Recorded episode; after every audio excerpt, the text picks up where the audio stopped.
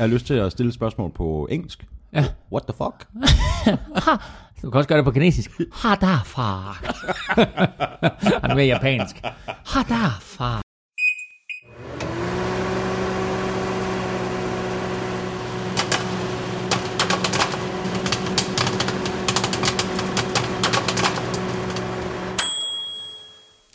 Hvis du er tosset med amerikansk fodbold, så er du kommet til det helt rigtige sted. Det her det er nemlig NFL-show, der er produceret af Kvartrup Media i samarbejde med Odset fra Danske Spil. Og Tafel. Showet er optaget live on tape, og det hele er, som det plejer at være. Vi går for i spillerunde igennem og ser frem mod den kommende weekend, og derudover så kan du glæde dig til øh, Dick Quiz fra Amstrup, Fantasy tips fra Korsmed, spiltip til Odset og to konkurrencer fra Tafel. Og nu ved jeg af gode grunde ikke, hvordan du lytter, men det smarteste det er at abonnere og downloade enten i iTunes eller der, hvor du nu plejer at hente dine podcasts, så lander alle episoder nemlig automatisk på din telefon. Alternativt så kan du lytte i øh, SoundCloud på gulklud.dk og på nflshowet.dk. Tak fordi du downloader og lytter og bruger lidt af din tid sammen med os. Jeg hedder Thomas Kvartrup, og med mig her i studiet Face to Face har jeg nu NFL-showets fortabte søn, netop hjemvendt fra USA. Ej, Elming, det, jeg er ked af det her. Jeg er lige kommet til at trykke på, på den forkerte. Øhm, jeg ved ikke lige, hvad jeg skal gøre ved. Jeg kender dig så udmærket godt, så jeg ved, at det er præcis det, du havde planlagt. Nej, jeg har ikke planlagt noget. Prøv, prøv lige, lige deroppe.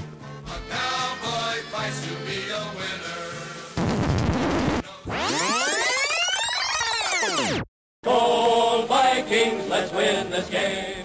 Vikings. Velkommen til Elming. Godt at se dig igen, og godt at have dig med her i studiet, i stedet for at have dig med på telefon.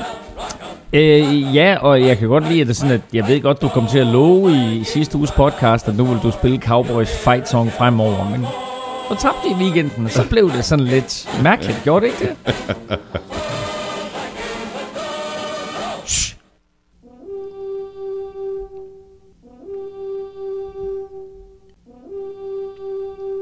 En smuk lyd. Og drømmende øjne. Ja, Ja, jamen... kommer øh, mig tilbage til ja, øh, for øh, jo præcis 14 dage siden, hvor jeg var i Minnesota og fik lov til at se deres nye stadion. Øh, kæmpe oplevelse. Øh, fantastiske rammer og spil under. Øh, og en øh, super fed stemning. Øh, og jo meget, meget tæt på at slå Dallas Cowboys. Hmm. Og nu har du så lige været i, øh, af- afsted igen. Du er lige landet her for ganske få timer siden, mm. og du ser da også sådan en lille smule klatret ud. Jeg spurgte, ja. om du havde jetlag, men, øh, men, du, men du siger, Ja, okay. ikke, ikke endnu. Nej, ikke endnu. Nu prøver vi på at holde os vågne her hele dagen, og så se om vi ikke kan få det justeret lynhurtigt. jeg har altid problemer med at komme den her vej over Atlanten. Øh, jeg synes lynhurtigt, man justerer, når man flyver fra Europa til USA, men den anden vej her. At Atlanten, det er ikke stillehavet. That's funny. øh, det vil være i givet fald være en lang tur. ja, præcis. Men det var jo, fordi du var jo i øh, Miami, øh, ja. og der sagde du i øh, sidste uges podcast, at, øh, jamen, at du lå på dit hotelværelse, og du kunne, at du kunne, nærmest, du kunne næsten se ud over Stillehavet. Jamen, jeg, altså, jeg var ret overbevist om, lige da jeg sagde det, at jeg kunne se ud over Stillehavet. Jeg havde udsigt ud over vandet der fra mit hotelværelse. Det så var den forkerte kyst til, så... Ja, ja.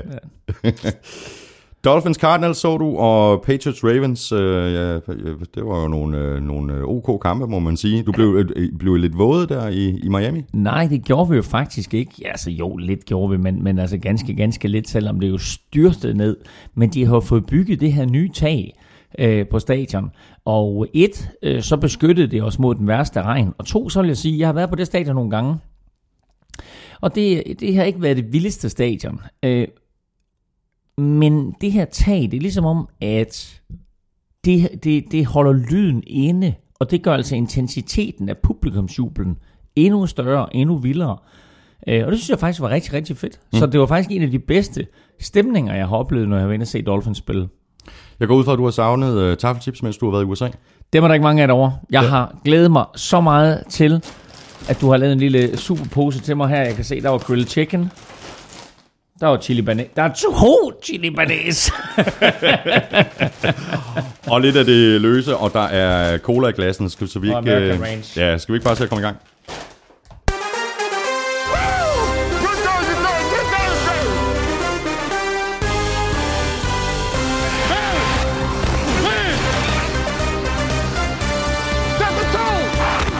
Cowboys fik brudt deres steamer og tabte for anden gang i år til Giants, der nu har femte seedet i NFC.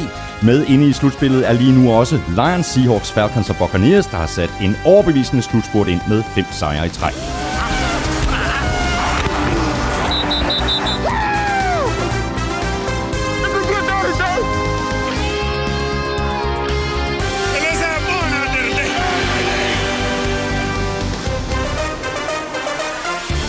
Raiders tabte til Chiefs og er faldet helt ned på femtepladsen i AFC, der lige nu toppes af Patriots og Chiefs. Steelers, Texans og Broncos er også med inde i varmen før de sidste tre spillerunder, hvor vejret også kan blive en faktor. Jeg hedder Thomas Kvartrup, og med mig har jeg Claus Elming.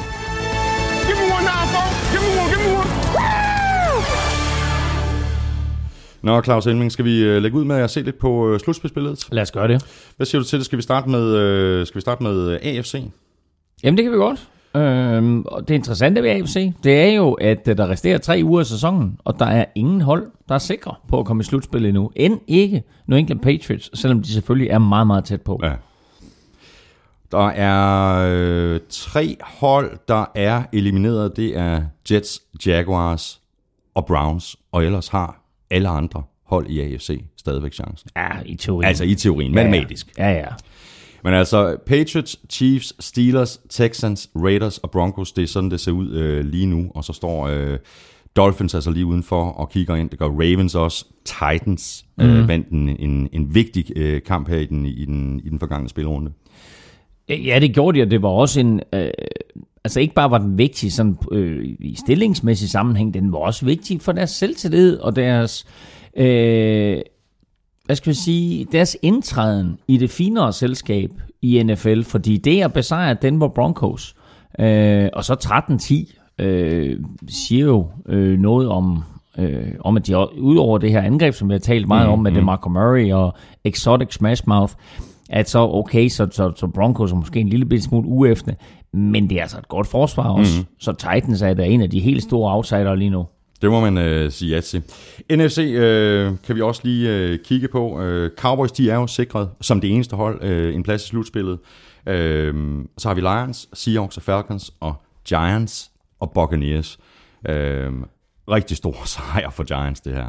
Øh, kæmpe sejr over øh, Dallas Cowboys. Altså Dallas Cowboys mod resten af NFL 11-0 imod New York Giants 0-2. Men øh, jeg synes, det er to andre hold, vi skal hive fat i.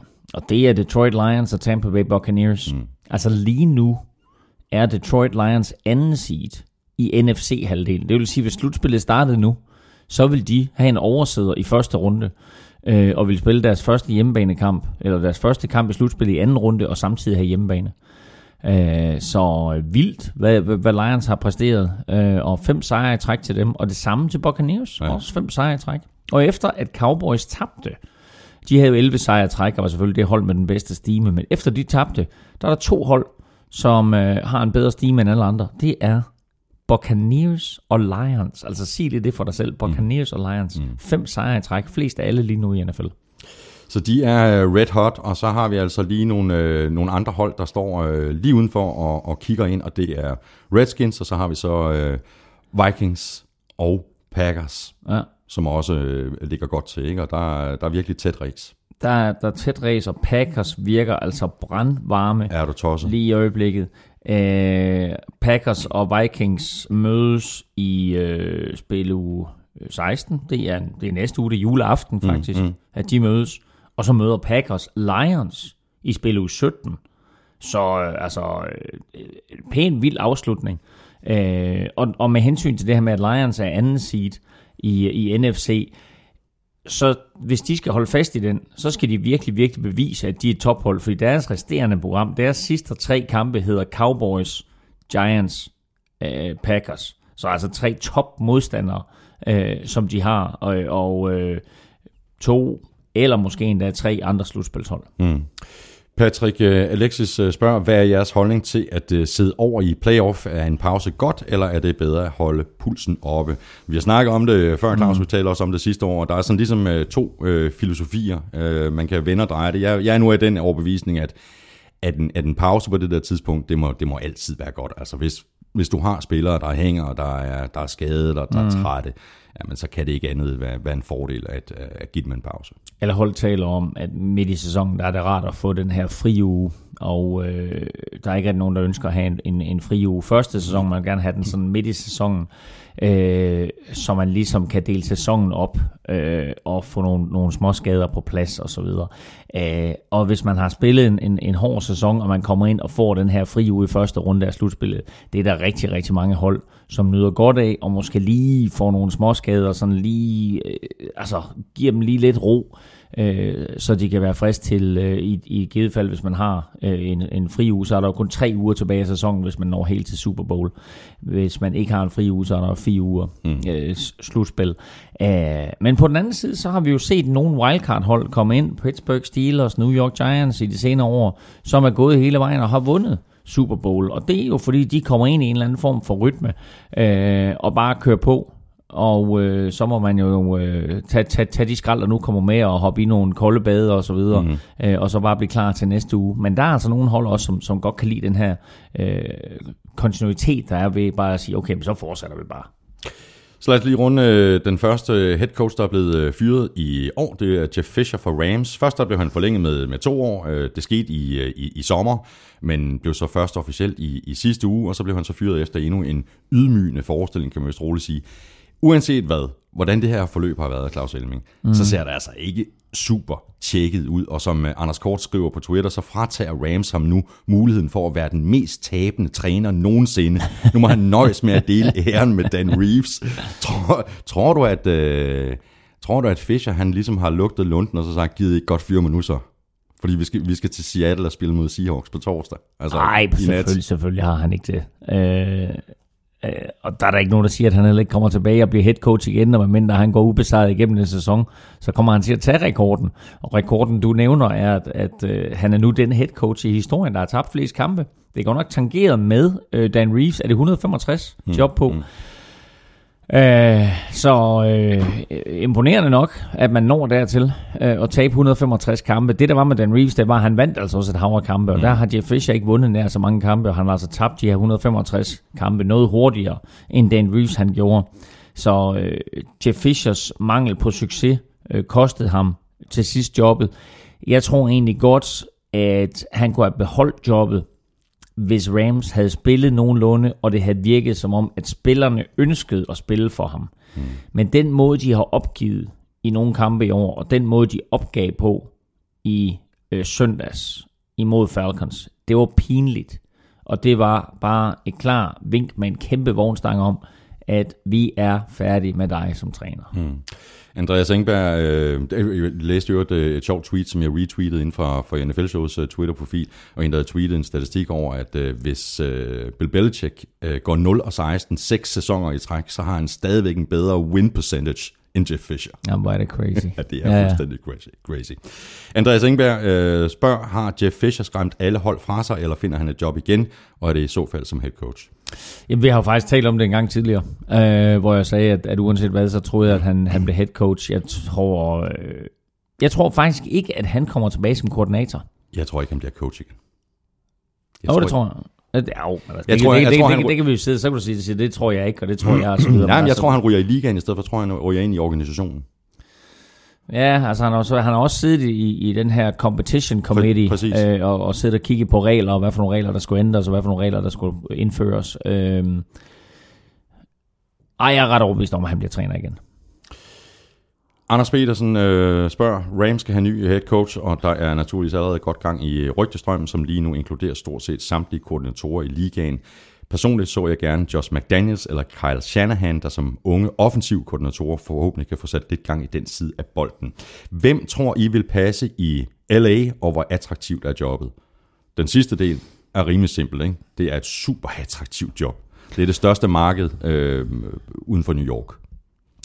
Ja, jobbet er, er, er attraktivt, men øh, man skal også lægge mærke til, at det her Los Angeles-mandskab kommer til med kæmpe forventninger. Og lever på ingen måde op til det. Og NFL har ikke været repræsenteret i Los Angeles i lang tid, fordi Los Angeles mistede interessen for professionel fodbold. De elsker deres college fodbold, de elsker UCLA, de elsker USC og de andre skoler, der ligger der omkring.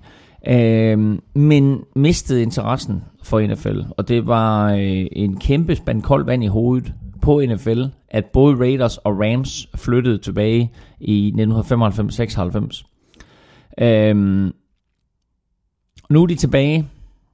Der var 91.000 tilskuere til den første preseason kamp. NFL kunne nærmest ikke få hænderne ned. Så ja, yeah, fedt, vi er tilbage i LA. Mm. Så er det stille og roligt gået ned ad bakke derfra. Og nu er vi igen i den situation, at der er så mange andre tilbud i Los Angeles. Du kan lave så mange andre ting. Altså uanset om du øh, går ned på stranden og surfer, eller du går ind og ser et show, eller du vælger at se noget basketball med, med, med to rigtig gode klubber i byen, øh, eller hvad du nu har lyst til, så gider folk ikke at betale x antal 100 dollars, fordi det er dyrt at gå til fodbold, for at gå ind og se et lorte Rams hold mm. på et lorte stadion. Mm. Øhm, så selvfølgelig er det attraktivt, og det bliver det også, fordi der også kommer et nyt stadion, og der vil komme en masse hype. Men det skal være en mand, der kan give det her Rams-mandskab nogle sejre, og give Los Angeles øh, lyst til at komme ud og se mm. NFL-fodbold igen. Har du godt bud på, øh, på en ny head coach? Altså, jeg, jeg har ikke et bud på, hvem det bliver, men jeg har et godt bud på, hvem der vil være en god idé at hente ind, og mm. det skulle være Jim Harbaugh. Og Jim Harbaugh synes jeg øh, bedre om end alle de andre kandidater, der er nævnt, fordi vi så, hvad der skete med Alex Smith i 49ers, da han fik Jim Harbaugh. Pludselig så så vi alt det her potentiale, som Alex Smith han har, blive udløst, fordi Jim Harbaugh, ud over head coach, er en fremragende quarterbacks coach. Når folk de nævner Josh McDaniels fra Patriots, eller de nævner Carl Shanahan fra Falcons, så har vi koordinatorer, som har succes, fordi de har en quarterback, der er god. Det er ikke en quarterback, de har lært op. Mm-hmm. De har ikke taget den her quarterback, der har sagt, prøv at høre, du kan ingenting, nu lærer dig op. Josh McDaniels har haft Tom Brady. Det er rimelig nemt at være offensiv koordinator, når man har Tom Brady. Hvad kunne Josh McDaniels, da han var træner i Broncos? Ikke så meget. Zero diddly squat. Så ud med ham. Kyle Shanahan, jeg er i tvivl. Han har selvfølgelig en berømt far, øh, og øh, har selv gjort det rigtig, rigtig godt i Atlanta. Men har også haft en god quarterback i form af Matt Ryan. Mm. Så du skal, have en, du skal have en coach ind, som enten selv er i stand til at coache quarterbacken op fra scratch, fordi de har en scratch quarterback i Jared Goff. Og det her, det er manden, de ligesom har investeret i og sagt, det her, det er fremtiden. Så du skal have, du skal have en coach ind, der kan tage Jared Goff, og så sige, nu gør jeg dig til en NFL-kaliber quarterback, og jeg tager alle de der fantastiske fysiske evner, du har, og modellerer dem til at blive en NFL quarterback. Det er et øh, frist og et frækt bud med Jim Harbour, og jeg tror godt, at Jim Harbour han kunne føle sig fristet. Om ikke andet så for at give en ordentlig finger til divisionsrivalerne for 49ers. Nu er, jeg er tilbage. Ja, præcis. Så skal vi lige have et øh, spørgsmål øh, i forhold til Andreas Knappe. Han var jo på, på forsiden af Jyllandsposten i den her uge. Ja. Øh, og Nå, ind- var han lige frem på forsiden? der var en henvisning på forsiden. Nej, nej, nej, hvor fint. Ja. Nå, Og så inde i avisen, der var der så et, et længere interview med, med Knappe, der siger, at, øh, at 10 hold har ham på deres draftboard. Mm. Det er da gode nyheder, Claus. Ja, overrasket, øh, må jeg sige over, at, at, jeg så den udmelding fra ham, øh, fordi han må egentlig øh, ikke rigtig have kontakt til nogle NFL-klubber endnu. Nu har han godt nok spillet sin sidste officielle college-kamp, og så kan det godt være, at reglerne ændrer sig lidt. Øh, nu skal han i gang med at have skaffet agenter, og han skal i gang med at, øh, at have de her agenter til ligesom at kontakte NFL-klubber. Der sker en masse for ham nu her. Øh, og virkelig vægt positivt, hvis, øh, hvis de her øh, agentbyråer øh, eller en decideret øh, enkeltstående agent har kontakt til nogle NFL-klubber, som ønsker at få øh, Andreas i training camp. Mm. Jeg siger ikke, at de ønsker at få ham på holdet, men ønsker i hvert fald at få ham i training camp, og det gør man jo. Hvis du, hvis du 100% sikker vil have ham i training camp, så drafter du ham. Vil du tage en chance på, og måske håber for ham ind, så øh, drafter du ham ikke, og så håber du på at signe ham som, som free agent umiddelbart efter draften. Øhm, men øh, man, kan læse, øh, man kan læse store dele af artiklen og store dele af hans citater inde på googleklud.dk. Og øh, der lagde jeg også mærke til, at øh, en af de ting, han sagde, var jo, at han håbede på at komme i Combine. Og Combine er jo den her weekend i Indianapolis, hvor spillerne bliver inviteret til, og de bliver testet i hoved og as for alt muligt. Hvor hurtigt løber de, hvad er deres eksplosion, hvor meget kan de bænkpresse, hvor højt kan de hoppe, etc. etc. etc. Mm. Alle mulige ting, som tester, om en spiller har de fysiske egenskaber, der skal til for at komme i NFL. Men der er også personlige interviews, hvor NFL-klubberne taler med spillerne og finder ud af, hvad er det her for en fyr. Og jeg har talt med Andreas, og han er bare en ualmindelig solid fyr med benene solidt plantet i jorden og en skarp, skarp pære. Og det kan blive hans helt store mm. fordel. At de folk, de, de klubber, der Det er møder... ikke noget, de tager let på, det her øh, holdene med de der interviews der. Overhovedet ikke. Det er super vigtigt. Ja. Der er spillere, der falder i draften, fordi de ikke klarer sig særlig godt til de interviews.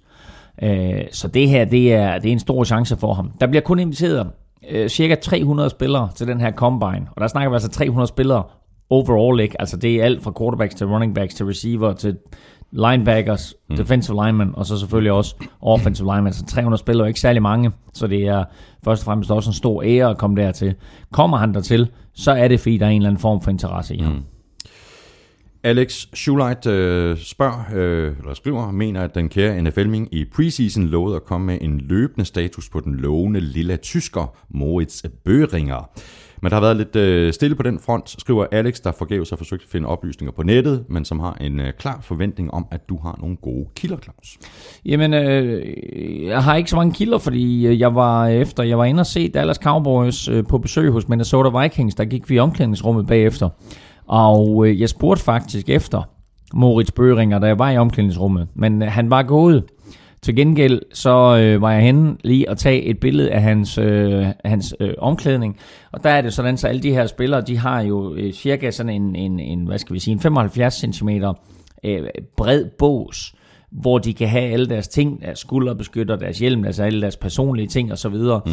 Og så sidder de store stjerner, de sidder sådan ved siden af hinanden, og så kommer man hen til Moritz Bøhringers skab, og der er så tre numre på. Der er Moritz Bøhringer, og så er der to andre, så de er altså tre spillere der, som deler en bås. Og det er ligesom der, hvor øh, den her spiller, der var så hyped i draften, Ja. det, det er status på ham lige nu. Og det er jo fordi, han er jo på det, der hedder practice squad. Mm. Og det vil sige, at han er egentlig øh, stadigvæk i truppen, men fungerer sådan set som levende kejle til træning, og så prøver øh, coachene på at, at, at lære ham hele metieret omkring at være NFL-receiver. Men der er lidt, lidt langt vej hjem for, øh, for Moritz Bøhringer lige nu.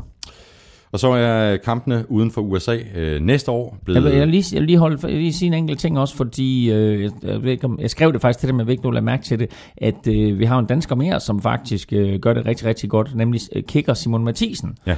Og øh, Simon spiller på det næsthøjeste niveau, og hans, hans øh, hold øh, hedder Northwestern Missouri State Bearcats, og de spiller faktisk finale i Division 2 øh, på lørdag, øh, hvor de møder North Alabama Lions, og øh, det bliver Simons sidste college-kamp overhovedet, øh, og vinder han den, så øh, gør han noget, som jeg vil våge påstå aldrig nogensinde, der kommer en dansker til at tangere igen, nemlig så har han vundet tre amerikanske mesterskaber, altså ikke kun statsmesterskaber, mm, men for hele nationen, tre ja. amerikanske mesterskaber på de fire år, han har været øh, i USA. Så en super solid indsats af, af Simon. Nu skal han selvfølgelig lige vinde på lørdag først, øh, men der er en eller anden form for håb om, at han også kan komme i training camp. Han bliver ikke draftet, som Andreas måske gør, men øh, Simon kunne godt komme i training camp et eller andet sted øh, og få en chance. Super stabil, måske ikke helt stærk nok i benet øh, til at sparke øh, kickoff. Han skal selvfølgelig også sparke kickoff, når den tid kommer, men måske ikke stabil nok til at putte bolden øh, ind i endzonen. Øh, men han har ikke brændt, brændt et ekstra point i år, hvilket ikke kan siges for ret mange NFL-kickere. Øh, og øh, har brændt, jeg tror, tre spark i det hele taget, i hele sæsonen. Øh, ikke, ikke, ikke meget mere end det. Så øh, virkelig, virkelig, virkelig en god indsats, og sat skolerekord øh, i år for flest field goals i, øh, i, i en karriere som kicker, øh, hvor han slog den eksisterende rekord. Så den rekord har han altså også, Simon Mathisen. Så han er, han er i rekordbøgerne nu mm. i, i USA, uanset om han Og- kommer i NFL eller ej. Men vi krydser fingre både for Simon og for Andreas. For dem begge to. Nu er du lige inde på, øh, på, øh, på Kickers, og der har jeg et, øh, et spørgsmål, så kan vi lige vente med, øh, med, med, med, med NFL-kampene i Europa og i Mexico øh, til lidt senere. Øh, Nils Thornberg skriver for nogle podcasts siden snakkede I om fyringen af Blair Walls, og I snakker ofte om kickerne og den afgørende betydning af deres brændte spark. Men er I generelt for hårde ved dem? Kickerens fejl, og for den sags skyld også øh, quarterbackens, udstilles meget tydeligt på tv, men når for eksempel en wide receiver ikke griber en bold til touchdown, eller en running back ikke får den sidste yard, så har det vel samme kampafgørende betydning. Er vi for hårde ved kickerne og quarterbacksene, og går de andre spillere under radaren, når der skal udpeges en synder? Øh, ja, altså både og, fordi der er der mange andre situationer, der afgør fodboldkampe. Men, øh, men jeg synes, at kickerpræstationen har været pinlig i år. Jeg synes, der er mange, som på en eller anden måde øh, ikke lever op til det ansvar, de har, fordi det er, det er en udsat position, selvfølgelig er det det. Men altså, du skal lave de der ekstra point. Øh, og vi så også en kamp imellem Seattle Seahawks og Arizona Cardinals, hvor begge kicker har mulighed for at afgøre det i overtime på mm. nogle ret korte spark. Øh, og, øh, og misser. Og jeg så ved selvsyn i, øh, i London, at Washington Redskins brændte et kort spark imod Cincinnati Bengals. Og det betød, at Redskins måtte nøjes med uafgjort i London. Og den uafgjorte kamp kan jo komme til at koste Redskins en slutspilsplads. Mm. Så, så på den måde, der er det altså super afgørende med de her kicker. Så lad os øh, nappe øh, kampene uden for USA øh, næste år. Øh, det er blevet offentliggjort. Øh, Patriots Raiders spiller i Mexico, og så er der kampene i London. Det er Ravens Jaguars, Saints Dolphins, Vikings Browns og Cardinals Rams. Christian Norbæk øh, skriver, skriver, burde NFL ikke sende lidt mere spændende kampe til London, end de kampe, de lige har annonceret, hvis de altså vil NFL i London. Og Anders Christensen supplerer, NFL udvider antallet af kampe, og så straffer de så de europæiske fans ved at sende Browns, Jacks og Rams. Det skal nok sælge hashtag NFL. ja, nu er det så dejligt med NFL, at man jo aldrig helt ved, øh, hvordan et hold ser ud til næste år. Øh, og altså, Browns har der masser af potentiale. Hmm. Altså, øh, og der er selvfølgelig igen, er der, er der lidt lang vej hjem for dem, men de har et hav af draft picks, og de har en masse unge talenter, som de har hævet ind i år. Så altså, der er der, der er der helt klart noget fundament at bygge på. Rams Ja, lidt det samme. Det var en, det var en studiehandel øh, omkring det her med, at de øh, fik lov til, altså at St. Louis Rams fik lov til at flytte til Los Angeles. Der blev der indgået en studiehandel om, at de så skulle til øh, London et par gange, og i den studiehandel indgik faktisk også, at de skulle til Kina og spille, mm, når, mm. når, når, når det øh, bliver aktuelt. Det skulle jo have været i 2018. Øh, det har de så udskudt nu, så nu bliver det nok ikke før i 19 eller 20. Der er nogle logistiske problemer derovre. så, så derfor så skal Rams over. På den anden side, så kan man sige, at når NFL så sender Cleveland og, øh, og, og, og Los Angeles Rams over, så kan man også sige, at de sender også et signal om, at øh, det er godt, de har Jacksonville, fordi øh, det, det, det, det, det er det bedste af de tre mandskaber. Jakob Mark Hansen øh, spørger, tror I, der kan være en større quarterback-rokade på vej, når sæsonen er slut? Kunne Romo for eksempel finde på at tage til Bears eller Jets? Hvad med Jay Cutler? Og kunne Kirk Cousins ende et andet sted end i Redskins? Og hvem kunne få den Niners være på udkig på som deres franchise quarterback? Øhm, Kirk Cousins tror jeg ikke ryger nogen steder. Øhm, han skrev jo en etårig kontrakt inden sæsonen. Mm. Han ville have en længerevarende kontrakt. Øh, Redskins ville ikke give ham det, og så øh, gav de ham det her franchise tag, og så skrev han under på en etårig kontrakt, og så har han jo spillet lights out. Øh, så på den måde, der må man bare sige, at hvis ikke han får en lang kontrakt med Redskins, så får han en lang kontrakt et eller andet sted, og det vil være virkelig, virkelig dumt af Redskins ikke at holde fast i ham, ja. fordi øh, jeg har set ham et par gange nu her, og, og han, er, øh, han er virkelig, virkelig god. Øh, og når alle hold leder efter en spiller, som kan udfylde den her vitale position, så vil det være helt tåbeligt af Redskins, når du endelig har fat i ham, øh, at de så ikke forlænger ham, ja, og sørger for at gøre ham til mm. øh, Captain Kirk for hele Washington. Ja, ja præcis. For Niners, det synes jeg er et, øh, et vanskeligt spørgsmål. Altså, hvis de ikke skal have fat i en eller anden i en, en større øh, quarterback-rokade, øh, det er jo ikke den, den, den, den, den største quarterback-klasse øh, i, i, i det her års øh, draft, så jeg tror ikke, at de drafter en quarterback højt. Øh, det tror jeg ikke. Hvem siger du? For Niners.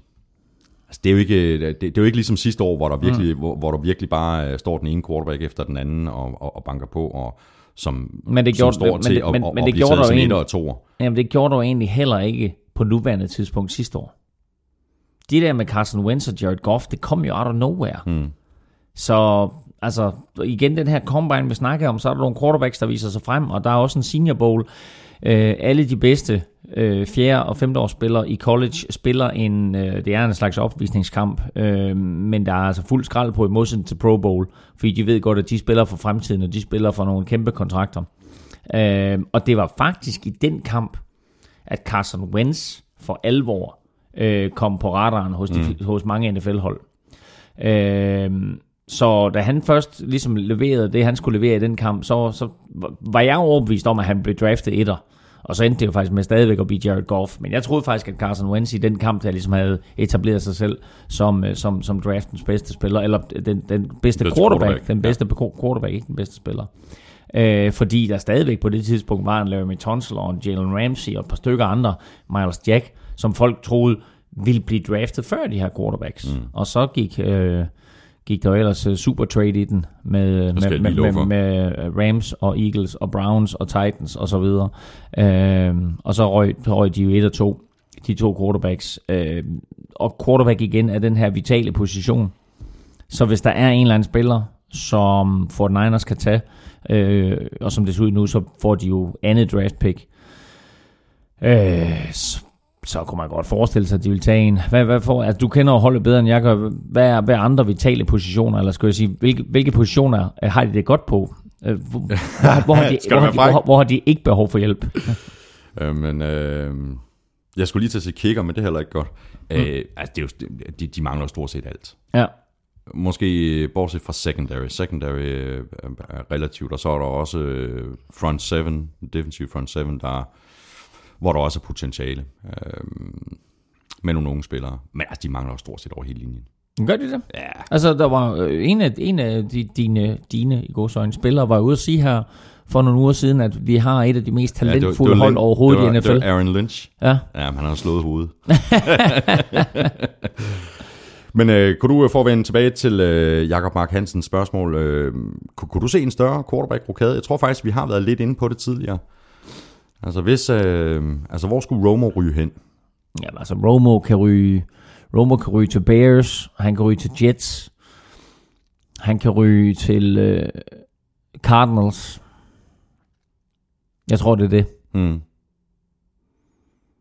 Altså, jeg, jeg, havde, jeg havde sådan lidt oprindeligt, der havde jeg, der havde jeg Miami Dolphins med ind i tankerne, men Ryan Tannehill har bare spillet sig Ja, op. det, har- det har. Og nu er han så desværre blevet skadet, øh, men, men øh, kommer forhåbentlig tilbage øh, allerede i den her sæson. Men øh, jeg tænkte på et tidspunkt, at Romo kom derud, men altså nu, der tror jeg, det er de tre, øh, Cardinals, Bears og, og, og Jets, tror jeg, er dem, der kigger mest intenst på ham. Så er et spørgsmål her fra øh, Jan Hedegaard. Øh, spørgsmål fra en NFL-rookie. Vi har nok styr på North, South, East og West, men hvad dækker AFC og NFC over? Og hvad afgør, hvilken konference de enkelte hold tilhører? Så underskriver, underskriver han så. Hilsen Asker fra Australien, som er kommet hjems far. Vi, Nå, okay. Ja, ja, vi, vi, vi havde jo ham, der stillede flere Ja, ja, spørgsmål, da han var i Australien. Man, det er dejligt at høre, at, at han har fået sin far med på den galej også. Øh, når man først er kommet ombord på NFL-galejen, så kommer man ikke derfra igen. Det gør man ikke. Øh, og det er vidunderligt, og derfor så øh, er det også øh, et, et dejligt historisk spørgsmål, øh, fordi AFC jo øh, tidligere hed AFL og var en professionel liga, og NFL selvfølgelig er den liga, som vi kender, som har eksisteret siden 1921, øh, og AFL kom til i 1960 øh, som en konkurrent, og øh, AFL var meget opmærksom på, at kastet var sjovt at se på, og var meget mere en kasteliga, end NFL var. Øh, og øh, så konkurrerede de lidt der, og øh, NFL grinede lidt i starten af AFL, men øh, endte jo med, at de to ligaer slog sig sammen, og øh, spillede et uofficielt verdensmesterskab i 1967, som vi jo nu refererer til som øh, Super Bowl 1. Mm. Men først fire år senere slog de sig sammen, og der blev AFL og NFL omdøbt til NFC og AFC, og hele den overordnede liga kom til at hedde NFL. René Sørensen øh, spørger, kunne man forestille sig, at NFL på et tidspunkt kunne finde på at rydde op i divisionerne, så der bliver flere lokalopgør? Så for eksempel Jets, Giants er i samme division, og Chargers, Rams, 49ers og Raiders. Nej, altså nu har de øh, de her 32 hold, øh, og øh, som, som det ser ud nu, så er, så er det helt perfekt. Altså der er jo snak om at tilføje 33. og 34. hold, men jeg synes bare, det vil skabe nogle problemer øh, omkring hele strukturen, og hvordan man skulle lave kampprogrammet. Øh, de 32 hold, der er nu, den måde, det er konstrueret på, er helt perfekt. Øh, hvis man skulle noget, så skulle man tilføje 8 hold, så man kom op på 40. og så sige, så var det alle de bedste toer, der kom i slutspillet, som man rent faktisk fik 16 hold i slutspillet, i stedet for 12 hold i slutspillet. Men altså lige nu, der er 32 mandskaber, 8 divisioner med fire hold i hver, fire divisioner henholdsvis AFC og NFC, det tænker jeg, det er helt perfekt. Og der skal man bare lægge mærke til, at det her med, om, om man har flere lokalopgør, Jamen det er bare historisk sådan, og det er også derfor for eksempel, at Giants og Jets jo ligger i hver deres division, eller hver deres konference. Det er jo fordi New York Giants tilhørte det gamle NFL, mm. og New York Jets tilhørte det nye AFL. Og det gør de jo sådan set stadigvæk. Nu ligger de i NFC og, og AFC. De mødes en gang årligt, det ved vi, og det er preseason. Og så mødes de hver fjerde år, og så kan de i teorien også mødes i Super Bowl. Mm. Kasper Brandt skriver, øh, at øh, det generer ham en del, at øh, de afgørende kampe ligger på øh, den årstid, hvor vejret er værst. Han skriver igen i weekenden, der ser vi, hvordan snevejr og regn får indflydelse på kampen. Jeg ved, det er urealistisk, at det bliver ændret, men ville en sæson, der starter i november-december og slutter i foråret, ikke give højere niveau i de afgørende kampe? Det, jeg synes, det er meget sjovt jo. Jeg kan godt lide det her med jeg sne. Kan også, og, at, det, at det er en del af spillet. Ja, ja det, og det er en del af spillet, og så må de der hold, som, øh, som ønsker at bygge sig en dome, selvom de ligger i varmt, varme, varme områder, altså New Orleans for eksempel, det er ikke så tit, det sneer dernede, men de har altså valgt at bygge sig en dome. Mm. Øh, altså, øh, det synes jeg er helt fint, altså, at, at, at, at Packers og, og Bears og Giants for en sags skyld, Steelers, Ravens, ønsker en, en, en konkurrencefordel ved at spille udenfor. Øh, så det, det, det synes jeg kun er sjovt. Og så, og så må jeg sige, sådan en kamp, som jeg så her i weekenden mellem Miami Dolphins og Arizona Cardinals, hvor det er sjask, pjask, øs regner, og vi fik seks fumbles, seks turnovers i de første 20 minutter altså en quarter og fem minutter, der var der seks turnovers. Mm. Øh, og bolden øh, var, var på jorden, og den var tung, og vi så de her NFL quarterbacks, øh, som lignede øh, øh, altså junior high school elever, der knap nok kunne kaste bolden ud til sidelinjen. Altså det var vanvittigt, det var skide sjovt. Det er jo en del af øh, spillet. Det er en del af spillet. Og man skal justere ja, ja. i forhold til, til, til, til vind og vejr, ikke? Ja, ja, og, og så altså, kan man også sige, at, at hvis det var sådan noget vejr her i Miami øh, i marts, altså det ville jo give det samme forhold, som hvis mm. det er sne i, i Green Bay. René Sørensen, øh, vi tager altså en hulens masse spørgsmål, fordi det lovede jeg jo i, i sidste uge, fordi vi uh, har droslet lidt ned på, mm. på, på spørgsmålene i de uh, foregående to uger, hvor du var i USA. Uh, René Sørensen uh, skriver, at man ser tit efter et uh, stort spil, catch, at uh, uh, bolden gemmes som et minde til spilleren. Hvor mange bolde bliver der brugt i løbet af en, en kamp? Det er så primært efter touchdown jo. Jamen, øh, begge hold får tilsendt bolde af NFL i løbet af ugen. Øh, så der bliver altså ikke brugt de samme bolde fra kamp til kamp. Øh, begge hold får tilsendt 24 bolde, og øh, jeg mener, de får dem torsdag eller et eller andet øh, i den retning. Og så kan de lige nå at, og, øh, at bruge dem et par gange øh, så videre øh, inden, inden søndag. Øh, og der er, udover de normale bolde, så er der også nogle bolde, som bliver markeret med et K, og det er de bolde, som skal benyttes øh, af kickerne. Mm. Så alle sparkesituationer, der skal der en K-bold på banen. Øh, og øh, ja, det, hvad var spørgsmålet egentlig? Hvor mange, hold, øh, hvor mange bolde, der bliver brugt i løbet af en kamp? Jamen, det vil så være altså maksimalt 48. Ja, altså de er 24, øh, ja. de er 24 med begge hold. Præcis. Ja, ja, ja, ja er det 24? Er det 12, er det 12 bolde, og så 12 backup-bolde. Er det inklusive det der kickerbolde? Ja, det tror jeg. Okay, Nå, så, så 48 i alt. Ja, og ja. Jeg, jeg, jeg lavede faktisk lige en, en søgning her i morges. Uh, Wilson leverer 24.960 officielle bolde til NFL-holdene hvert år. 780 per hold. Damn. Det er mange bolde. Damn. Ja. Nu skal vi i uh, Elmings regel, Jørgen. Uh, Henrik R. Ketting hvad dømmes der, hvis en spiller med frit løb mod endzone stoppes på sidelinjen af en af modstandernes reservespillere? Ja, det er jo set. Der kan ikke dømmes touchdown. Så øh, der bliver dømt en 15 yard straf, derfra hvor taklingen er lavet. Øh, og så bliver der på en eller anden måde øh, formodentlig øh, halshugget en eller anden spiller og en træner og diverse efterfølgende. Men, øh, men andet kan der ikke dømmes. Anders Korts øh, spørger, må en øh, forsvarsspiller kaste bolden på interception, tænker der er kaos til nogle vilde potentielle touchdowns. ja, det må han gerne. Det skal bare være bagudrettet. Mm. De må kaste den lige så tosset bagud, som de har lyst til. Det er jo sådan set der, hvor, hvor, hvor rugbyen har sit indtog i NFL-reglerne. Men øh, bolden må kun kastes øh, fremad, øh, når den er blevet snappet, Øh, og det vil sige, at det er kun angrebet, eller for en sags skyld, et fake field goal, eller et fake punt, eller hvad det måtte være, hvor man må kaste den fremad. Man må kun kaste den fremad én gang, og man må kun kaste den fremad, hvis ikke bolden allerede har været over line of scrimmage. Morten Winholdt øh, spørger, hvis en spiller rører bolden, men ikke griber den i endzone efter kickoff, og den derefter bliver samlet op af det sparkende hold. Er der så safety eller touchdown, eller noget helt tredje? Jamen det er jo faktisk sjovt, fordi det er jo her, der er en forskel på college-regler og NFL-regler. Fordi i NFL, der øh, vil det være touchdown. I college, der så snart bolden er i endzone, så bliver spillet faktisk fløjtet af. Øh, så, øh, så der får man altså ikke muligheden. Der skal bolden være, være ramt, for eksempel. Øh, altså hvis, hvis, hvis en, hvis en ej, det passer ikke. Det er, faktisk, det er faktisk fuldstændig det samme, fordi hvis en spiller rører den i endzonen, så er det sådan set et, et muffed punt. Men hvis en spiller ikke rører den i endzonen øh, i college, så er spillet dødt. Hvis en spiller ikke rører den i NFL, så er bolden stadigvæk i live, og hvis det så er det sparkende hold, der får fat i den, så er det touchdown. Og så er det blevet tid til en øh, omgang fantasy med øh, Peter Korsmed, og nu er det med at høre godt efter, især hvis du allerede er med i slutspillet, eller måske er på vej ind i det.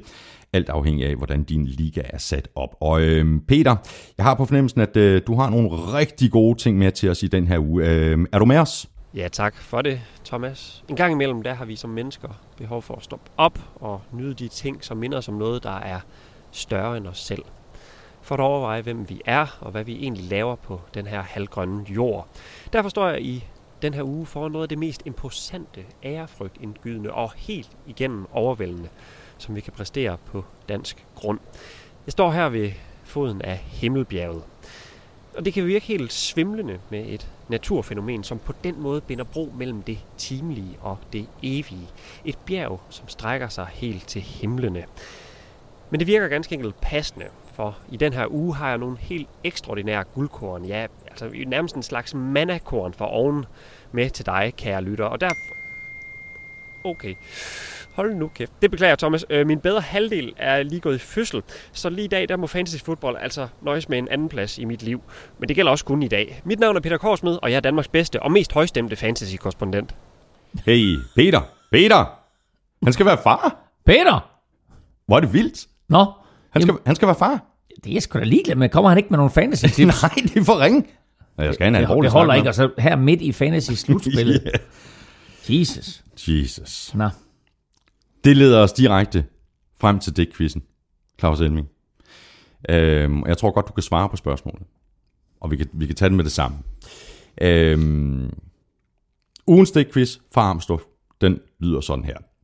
Yes, 17-3 i pausen, den er hjemme, men Chip Kellys helte kom igen i klemme. Alle føringer er farlige for 4999ers. Sæsonen, sæsonen gik stejlt ned ad trappen på enliners. Harry Douglas dirty skrallede Harris upresset. I Buffalo skrællede de ganske enkelt kunstgræsset. Hvilken dansk NFL-ekspert forsømte Korsmeds råd at følge og måtte skammeligt ride hele sæsonen på en 0-14 bølge? Claus Elming. Hvor ved han fra, jeg er 0 og 14? Det er ude på de sociale medier. Det er ud over alt. 0 og 14, Claus Elming. Ja, ja. Det er godt gået. Og du gjorde, hvad du kunne. Du satte det, det, det stærkeste hold uge efter uge, var aktiv på waveren. Du gjorde alt, hvad du kunne. Ja, jeg var øh, vores drafts svar på Cleveland Browns. Jamen, jeg, jeg ved, jeg, jeg, altså, jeg har ingen anelse om, hvad der skete. Jeg var, øh, vandt jeg ikke sidste år? Jeg tror, enten, enten vandt jeg sidste år, eller så var det forrige år. Jeg kan ikke huske det. Altså, Åh, jeg tror, det var forrige 0, år. 0 og 14? 0 og 14. Ja, Ja, det er stabilt. ja det, det er lidt crazy. Nå. Har du, har du en quiz til mig også? Jeg gider ikke være med mere. Nej, det har jeg. Uh, vi kommer til at snakke om det lidt senere, men uh, vi kan lige vende det her, og det er, at Aaron Rodgers i weekenden kastede ikke et, men to touchdowns til Jordan Nelson, og dermed kom de op på 57 sammen. Det er en tangering af Packers-rekorden, som indeholdes øh, af Brett Favre og Antonio Freeman. De kastede også 57 sammen. Det vil altså sige næste gang, at Aaron Rodgers han rammer Jordan Nelson, så har de to rekorden for flest touchdowns mm-hmm. sammen i NFL. Aaron Rodgers og Jordan Nelson er lige nu den duo i NFL, der har tredje flest touchdowns sammen. Ja.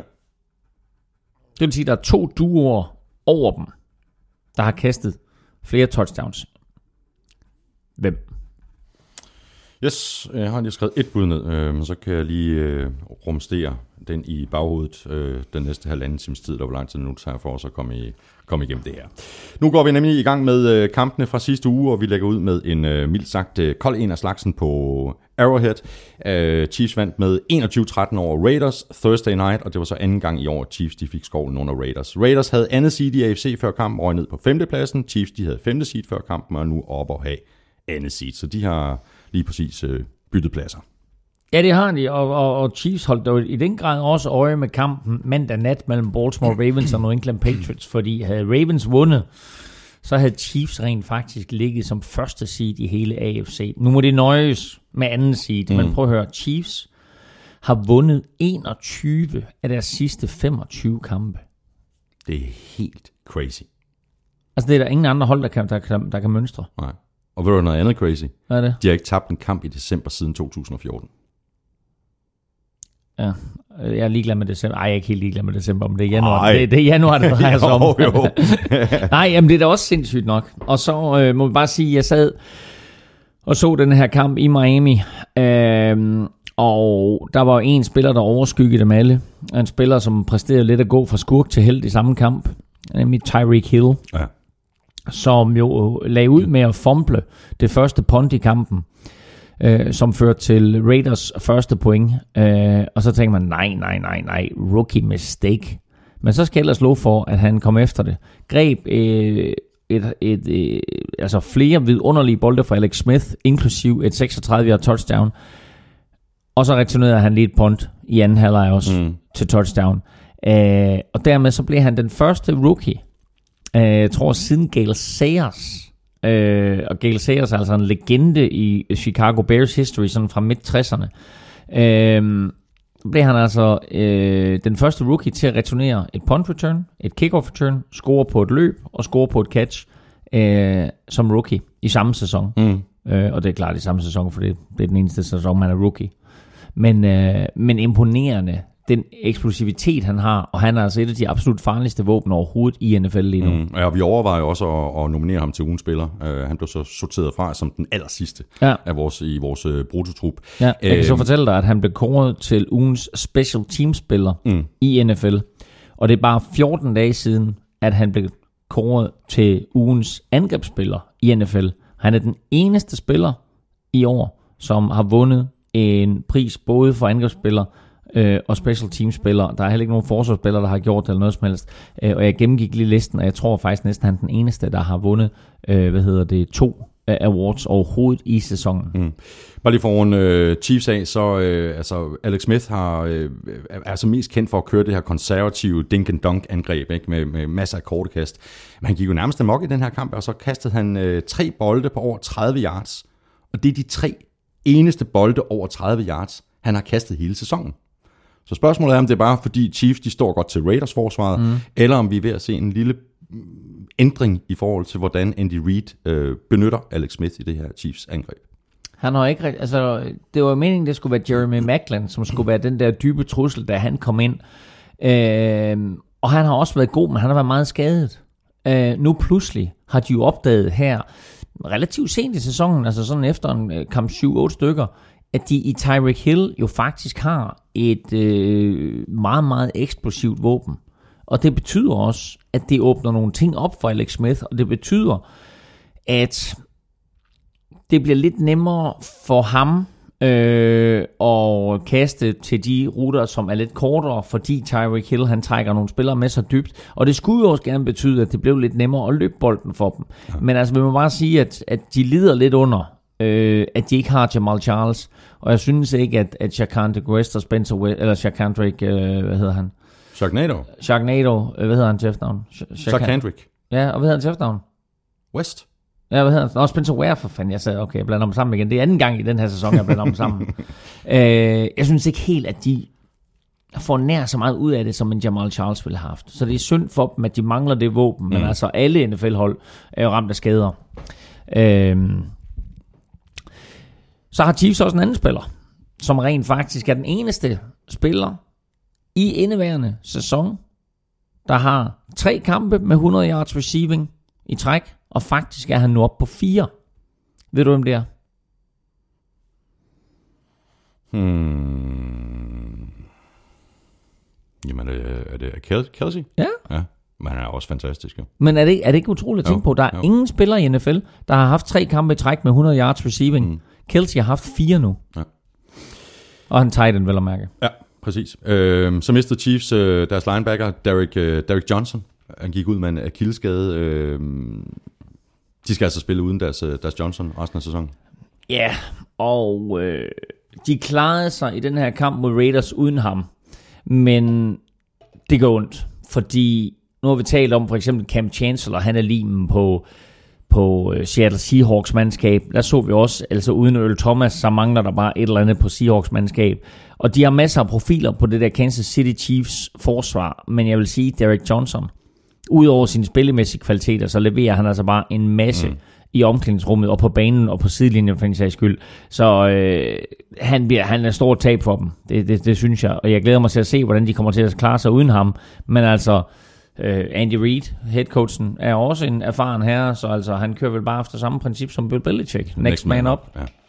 Men øh, du har ret, det gør altid ondt at miste sin Johnson. Det er så slemt, det der. Hold kæft, mand. Det er for tidligt for mig, det her. Det er ren, det er ren Charlie-humor. ja. Kort, uh, Raiders, uh, det her det var ikke uh, Derek Carrs bedste kamp, og spørgsmålet om det var, var kulden, der generede ham. Han har jo den her uh, finger i, eller skade i, i sin lille Ja. finger. Og øh, måden man så det på, det var, at han tog ikke et eneste snap op bag center. Nej. Han tog samtlige snaps i shotgun. Præcis. Enten i en, i en normal shotgun, eller det man kalder pistol formation. Øhm, hans, har du hans stats, er noget med 114 yards, eller hvad var det, det var, han kastede for? 17 af 41 for 117 yards. 117 yards. Han får, Øh, heller det- ikke, han får heller ikke særlig meget hjælp fra sine receiver. Øh, nej, der var, der var 5-6 tabte bolde, men 117 yards er det færreste antal yards mm. på 41 kast i NFL's historie. Ja. Så øh, det var en skidt kamp med ham. Øh, og de her quarterbacks, som vi har rost til skyerne, og, og, og Derek Carr, som var inde i alle spekulationerne omkring, hvem der skal være årets MVP, er nok røget lidt på bagsædet efter den kamp mod Chiefs. Mm.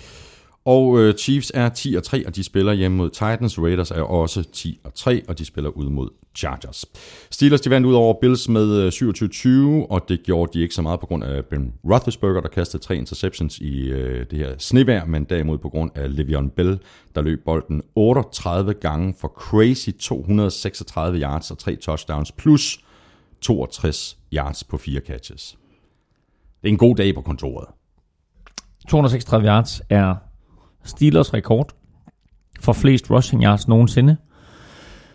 236 yards er også mest et Buffalo Bills forsvar nogensinde har tilladt. Mm. Så han satte altså to rekorder. En for sit eget hold og, og, og en imod modstanderne. Og sikke en dag af Le'Veon Bell. Jeg tjekkede øh, statistikken undervejs på den her kamp. Og det har vel været midt i tredje quarter til eller andet. Der stod der øh, Steelers rushing. 22 løb, 146 yards. Le'Veon Bell, 22 rushes, 146 yards. Han var angrebet. De gav den ikke til nogen andre. Nej. Big Ben løb den ikke selv, og der var ikke andre running backs derinde, og de kørte ingen reverses. Når de løb den, så gav de den bare til Le'Veon Bell. Jeg kan godt forstå, at de bruger ham så meget. Han er en kanonspiller, men, men de skal også passe på ham, ikke? Altså selvfølgelig, lige, lige her nu, der drejer det sig for Steelers om at komme med i slutspillet. Så jeg kan godt forstå, at de bruger deres stærkeste våben. Men de skal også passe på ham, at han ikke bliver slidt fuldstændig ned, ikke? Jo, og, og selvom det ikke ser ud til, at han tager de helt store skrald, han har jo en vidunderlig evne til at undgå at blive ramt sådan super hårdt. Så når man rører bolden så mange gange, som han gjorde, hvad var det 46 boldberøringer alt i alt? Noget i den retning. Øhm, han, altså, når, når man rører bolden så mange gange, så, så tager man nogle skrald undervejs. Mm. Øhm, og det er ikke godt øh, at, at benytte en spiller så meget. Øhm, og lidt kortsigtet også, fordi Le'Veon Bell har så mange kvaliteter, at han kan være en force for Steelers i mange, mange år. Mm. Men når man bruger ham så voldsomt, som de gør her, så kommer man til at, at slide rigtig meget på ham. Og det kommer bare til at korte hans karriere af i den anden ende. Ja, præcis. Øhm, og ja, man vil også gerne vinde fodboldkampe, og vinduet i NFL til at vinde Super Bowl er meget, meget lille. Og øh, lige nu, der har de altså et, et gyldent våben på hænderne her. Og så har vi jo talt om igen og igen, hvem er NFL's bedste running back. Øh, og altså, når man ser ham spille i weekenden, og man ser den måde, han er i stand til at læse hullet på, øh, og finde det helt rigtige lille bitte mikroskopiske hul, øh, og så få 15-20 yards ud af det. Altså, det, der, der er ikke ret mange spillere, der har den kvalitet i ligaen. Så han er, han, han er ret exceptionel på den måde, Han er klar i top og 5. ret unik på den måde. Han er klar i top 5. Han er klart i top 3, vil jeg nærmest sige. En ægte top 3. Øhm, en lille stat her. Øh, Le'Veon Bell, han er den femte spiller i NFL's historie med 100 yards for scrimmage i 30 kampe i løbet af de første 45 kampe. De fire andre er, har du nogle gode bud? Okay, det skal jeg igen. Altså, han har jo haft 100 yards i, sine før, i 30 af de første 45 kampe. Ja. Adrian Peterson. Mm, nej. Hvor lang tid går vi tilbage? Øh, ja, men der, der, Okay, der, så der, siger vi Jim Brown. heller ikke. Okay, så men 100, der er jo- altså 100 yards, det, er- det er rushing og receiving, selvfølgelig. 100 yards for scrimmage Okay. i 30 kampe i Okay. løbet af, af, af, de, af de første 45. Adrian James er på. Fuldstændig korrekt. David Johnson er på. Nej, Nå, han har ikke haft nok kampe. Nej, Nej, han er selvfølgelig i sit andet år. Ja. Okay, Adrian James er på. Marshall Falk. heller ikke. Okay, det skal være en... en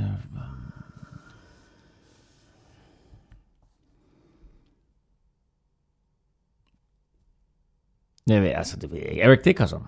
Fuldstændig korrekt. Okay. Kom nu. Nu er, Ja. du, nu er du hul på bylden. Nej, jeg ved ikke, hvem er de andre. Det er Arian Foster Arian Foster. Okay, ja. ja. og, Ma- og Marcus Allen. Okay. Okay. Ja. Nå, Nå, ja. ja. Ej, det, det, jeg var ikke kommet på Marcus Allen. Okay, Eric Dickerson havde jo en vanvittig rookie-sæson, som man godt forestille sig, Ja. ja. at, at han var på. Øh, men, men, øh, nå, okay. Marcus Allen også. Mm. Damn. Så lad os lige runde øh, øh, Bills og øh, LeSean McCoy, som øh, Steelers forsvar jo øh, faktisk neutraliserede, og, og, neutraliserede deres, øh, deres løbeangreb, og Tyrod Taylor så havde så store problemer med at få noget til at fungere igennem luften. Øh, størstedelen af hans produktion kom i, i garbage time, blandt andet hans, øh, øh, hans, hans touchdown til, hvad var det, Charles Clay. Ja, hvad, hvad, hvad kaster han? Kaster han to? Han kaster en til Charles Clay en til Sammy Watkins, ja. jo. Øhm, ja, altså LeSean McCoy, som jo, altså det var altså nu har vi talt meget om LeSean McCoy, om, om han var ligaens bedste running back, og vi har talt meget om Le'Veon Bell, om han var ligaens bedste running back. Nu mødtes de to jo rent faktisk, og øh, der var jo ikke nogen tvivl om, hvem der i den her kamp var den bedste running back. Øhm, og man kan jo ikke sige, at det er fordi den ene har en bedre linje end den anden. Altså det synes jeg ikke umiddelbart. Altså Steelers offensiv linje er ikke lige sådan frem, plastret til med profiler. Så Le'Veon Bell, han var bare øh, virkelig, virkelig god i den her kamp. LeSean McCoy, han greb, eller han løb bolden øh, 12 gange for, for under 30 yards. Mm. Så var han effektiv i kastangrebet. Han greb seks bolde. Øh, men øh, og havde, havde 80 yards på det, eller sådan noget andet. Øh, men jeg, jeg synes egentlig ikke så meget, altså jeg ved ikke, jeg synes ikke så meget, det, det er LeSean McCoy. Altså vi har talt lidt om Tyrod Taylor, og lige så meget vi roste ham i starten af sæsonen, og, og, og ligesom har prøvet på at, at holde begejstringen for ham oppe som quarterback, så øh, var han, så, da han toppede, det var nok i spil uge 4, ja. da han besejrede New England Patriots. Der var han og LeSean McCoy jo en, en, en gylden duo, Åh, hvad siger til? Øh, og det er ligesom, om man tænker, wow, nu har de fundet en god måde at benytte de her to spillere på, men, men hvor Les- Bills er begyndt at læne sig mere og mere op af LeSean McCoy, så når han ligesom bliver taget ud af kampen, som Steelers var i stand til, så kan Tyrod Taylor ikke løfte det. Og det er på trods af, at han jo har fået Sammy Watkins tilbage. Mm, mm. Øh, Watkins havde altså ikke nogen stor kamp, man greb fire bolde og touchdown. Øh, men Tyrod Taylor lige nu kan godt være på vippen i Buffalo. Øh, og det kan han af flere årsager. Et, fordi han ikke helt leverer hverken det spil eller de sejre, som han gjorde i starten af sæsonen. Og to, så hvis Bills beholder ham, så tror jeg 1. marts, der udløser, der er der en klausul i hans kontrakt, som giver ham 27,5 millioner dollars. Ja, det er da også en chat. Ikke? Det er 200 millioner kroner. Mm. Hvis de udløser den, så siger de, godt, Tyrod Taylor, du er vores quarterback for fremtiden. Mm. Eller også så siger de, farvel og tak, det var hyggeligt, du kan spille med os, nu går vi ud og leder efter en anden quarterback. Og Bills, de er 6 og 7, og de får besøg af brandvarme Browns. Og Steelers, de er 8 og 5, og de spiller ude mod øh, Bengals. Øh, Tror, meget- tror du, meget Browns interessant. skal slå Bills? Jeg tvivler øh, meget stærkt. Jeg tror, Browns går over i historien i 2016-sæsonen. Ja. Mm. Er, det, er vi allerede i gang med, med et frisk øh, spiltip øh, fra Elming? Jeg har gode spiltip. Videre til øh, Panthers Chargers, der endte med en øh, sejr til øh, Panthers på 28-16, og så fik de så rettet lidt op på øh, blamagen øh, fra Seattle i, i forrige weekend. Øh, lad os synes, vi skulle begynde med det, med det tabende hold, fordi øh, Chargers bliver bare ved med at få deres spillere skade. Udrøg Melvin Gordon med en mm. skade i hoften, som han fik, da han forsøgte at få fat i en Philip Rivers fumble, og øh, Joey Bosa fik en nakkeskade, da han øh, sækkede Cam Newton. Øh, det ser ikke ud til at være så slemt for dem, øh, men, men to vigtige spillere måtte undvære i, i så stor en del af den her kamp. Ja, altså, øh, jeg ved ikke helt, altså Bosa ser ud til at komme tilbage, men, men altså Melvin Gordons hofteskade der, øh, jeg har ikke hørt meldingerne. Har du hørt de sidste meldinger? Hvad, hvad er det? Øh, det sidste, jeg har hørt, øh, det er, at, at de tror, at han måske kan komme tilbage, men at mange spekulerer i, ja, Luk- luk ham ned for men luk sæsonen. ham ned for sæsonen, Ja, ja. der er ikke nogen grund til at, at, at, at, at, at, at provokere den her skade yderligere. Nej, nej. Altså Philip Rivers øh, fumbler bolden, og Melvin Gordon øh, kaster sig ned, som man jo har lært fra barnsben, at hvis der er en løs bold, så drejer det sig om bare at få fat i den, og det gør han. Men altså, der kommer også også tre eller fire forsvarsspillere, som ryger hen over ham og ind i siden, og altså, det er jo drenge, der vejer 100, 110, 120 kilo, mm. og han bliver simpelthen knust under de der, øh, og hans overkrop bliver trykket ned over hans hofte, og han, han sidder og ligger lidt underligt. Og jeg kigger på det der, og jeg tænkte, det der, det kan være rigtig, rigtig alvorligt. Mm. Øhm, Chargers har ingen grund til at spille ham resten af vejen igennem. Øhm, han er... Øh, han, han har været rigtig, rigtig god i år, og han har udviklet sig til en spiller, som Chargers kan læne sig op af i de kommende sæsoner. Og vi har talt om det flere gange i NFL-showet i år, at Chargers godt kan gå hen og blive et rigtig, rigtig slagkraftigt mandskab til næste år. Ja. De har nogle skadede profiler, der kommer tilbage. De har en draft, de kan forholde sig til. Måske endda noget free agency. De har stadigvæk en Philip Rivers, som spiller på et højt niveau. De har en Melvin Gordon. De har et forsvar nu også med Joey Bosa, som, øh, som er giftigt. Så ingen grund til at tage chancer. Luk ham ned for sæsonen. er enige. øh, havde de været stadigvæk de er jo ikke matematisk ude af det, men det er de reelt. Ja, det- Ikke? De kommer ikke i slutspil. Nej. Så øh, jeg synes bare, at de stille og roligt skulle sige øh, tak for i år. Du Ja. har været fremragende. Øhm, nogen, der ikke har været så fremragende i år, det er Panthers, og jeg kan ikke lade være med at tænke på, altså, hvad i alverden er der galt med Kelvin Benjamin? Han, er, altså, han har haft en meget skuffende sæson. Øh, I den her kamp, der virkede det nærmest som om, han, han helt opgav at gribe nogle bolde, som, som, som endte med at blive interceptet. Øh, det ene for et pick 6, altså begge interceptions blev så kaldt tilbage, men, men Kelvin Benjamins indsats, er han allerede videre, også til næste sæson, og tænker, Jeg håber, "Ved du det er det." Der, der er ingen grund til at kæmpe for, for de her bolde, fordi så risikerer jeg at få en skade, og, og, og så får jeg en, en lorte 2017-sæson. Ikke? Mm. Øh, en af de ting, der har været i den her sæson, det er jo, at Cam Newton ikke har levet op, spillet op til det niveau, han viste sidste år. Hvorfor har han ikke gjort det? Jamen, til tider var det, fordi Jonathan Stewart han ikke var der.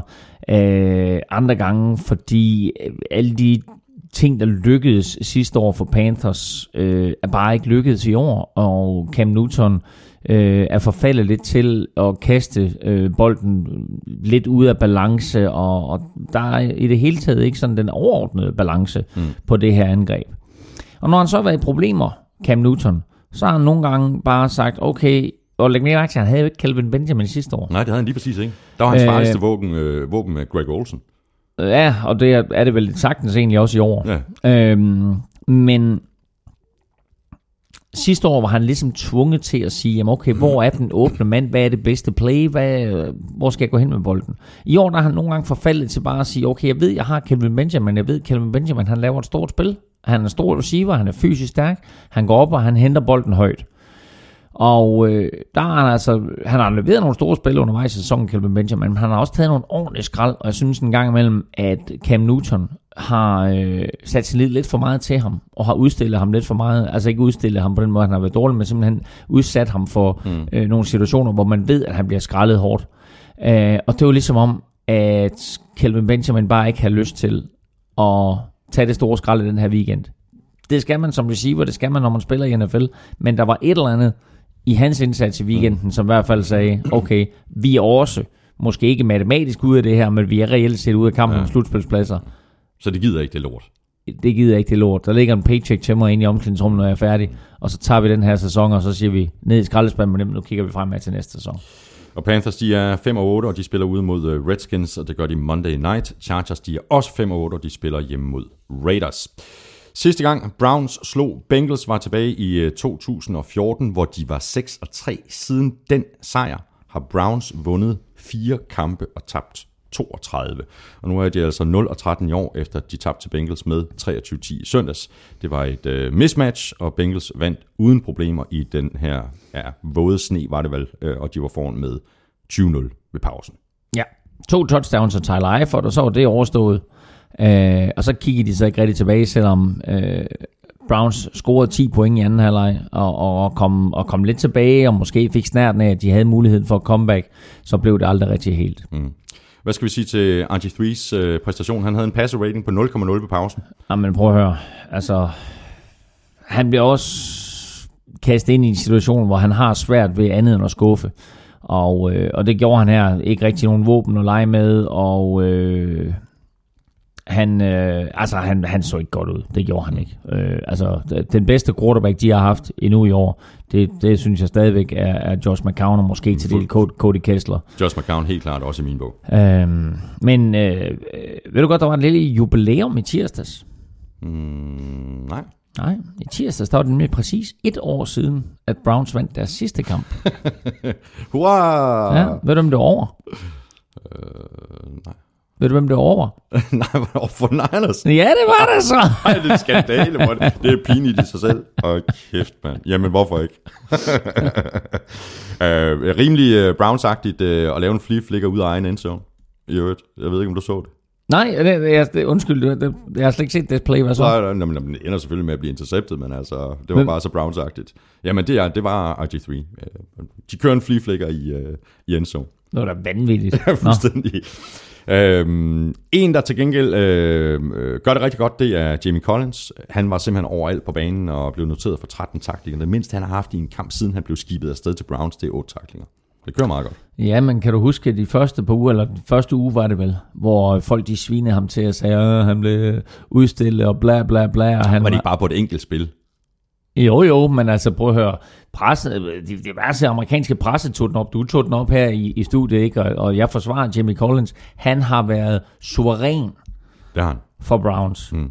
Øh, og nu kommer der så en, en lille situation her, som jo gør, at øh, nu skal de så ud og forhandle en kontrakt med ham, fordi mm. de har ikke en lang, længerevarende kontrakt med ham. Mm. Og han har da i den grad spillet sig til en stor kontrakt. Det har han i hvert fald.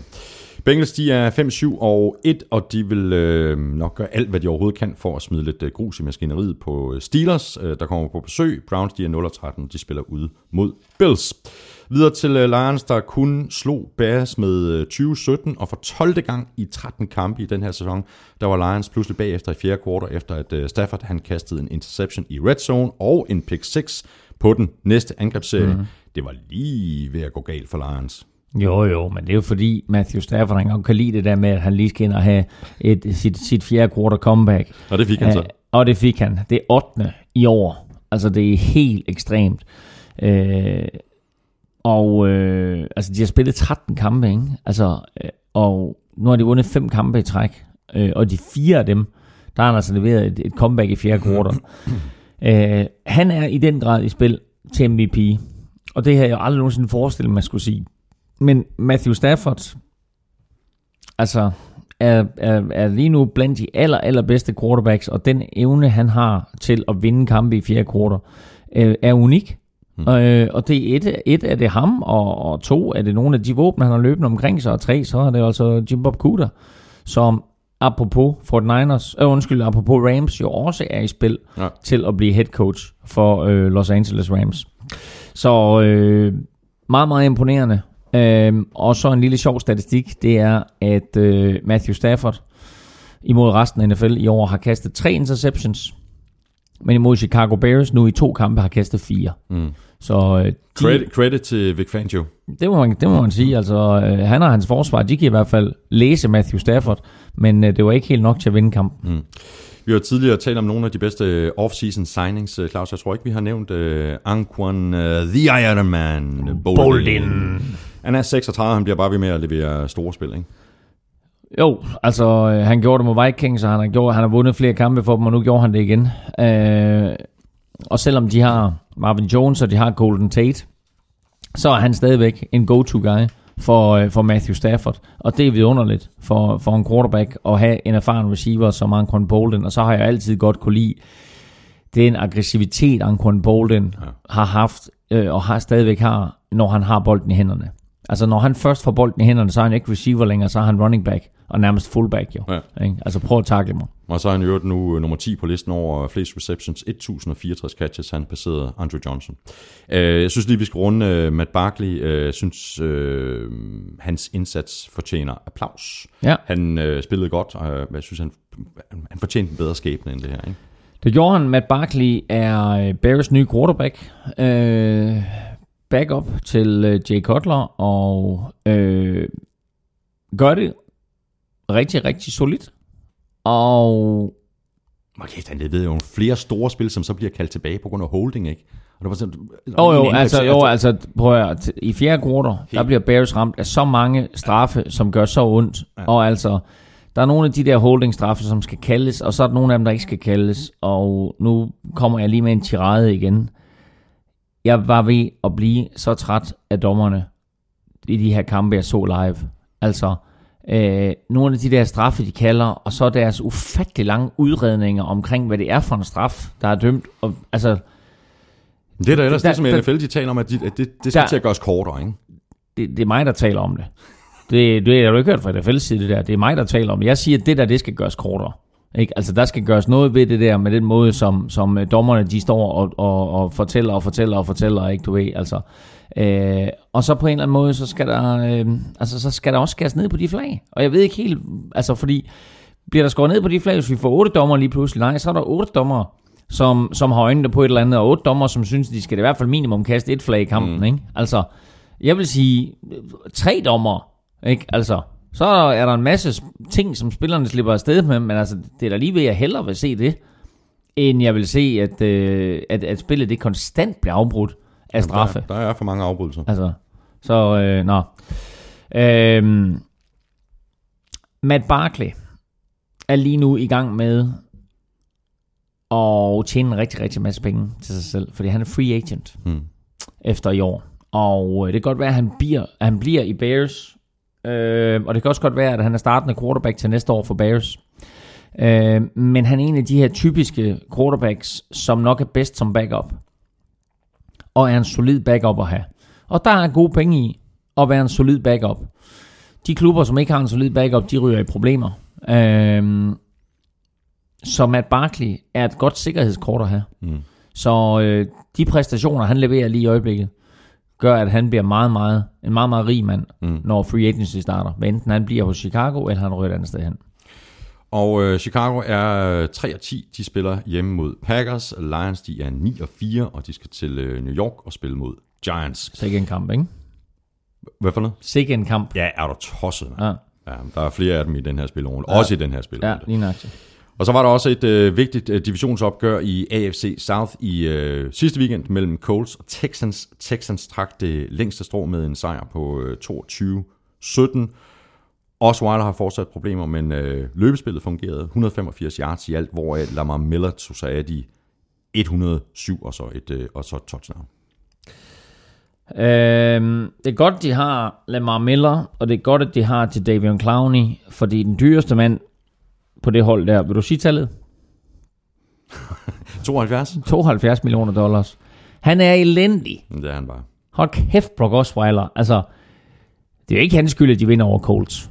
Det er det ikke. Det er, altså, Lamar Miller spiller en god kamp, og så må jeg bare sige, Så Texans forsvar. Nå, på her, til Davion Clowney, ikke? Bliver draftet etter for to år siden, og øh, sidder ude det meste af sine første to sæsoner. Og så i år er han da bare eksploderet ind på scenen, Mm. og har bevist, at han måske med rette skulle være nummer et øh, for to år siden. Ikke? Øh, det her, det er, det er, en, det er en vild herre. Ja, og den, måde, altså. den måde, han spiller på nu, det var, det, var, det var den måde, han spillede på i college, og der, hvor han dominerede, og hvor han jo øh, via sin, sin fysiske størrelse, sin hurtighed, sin adræthed, øh, er fuldstændig overmatchet i forhold til de offensive linemen, han står over for. Øh, og det viste han her i kampen. Mm. Øh, hans indsats her, hans store spil, hvor han får sækket Andrew Luck og får fremtvunget en fumble øh, i det hele taget. Og også på det sidste spil, hvor, hvor ham øh, og Merciless er inde og, og lægger pres på, på Andrew Luck, er bare med til at afgøre det her opgør. Ja. Ja, men det, altså lige præcis, jeg skulle lige til at sige uh, Whitney Merciless også, Ja. som, som en af de spillere, der udmærkede sig. Ikke? Ja. Men altså, Clowney øh, ender ramme Lock på den ene af, af, af, af Locks interceptions, øh, forserede en fumble, som du også sagde, og så ramte han øh, Lock yderligere, yderligere tre gange. Mm. Øhm, jeg talte jo Colts lidt op i sidste uge. Øh, jeg tror godt, jeg vil have lov til at tale dem lidt ned igen.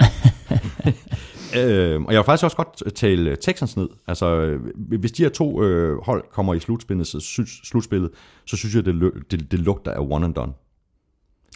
Jeg tror ikke, at de er gode nok, og jeg tror, altså for Texans vedkommende, mm. så er Osweiler bare...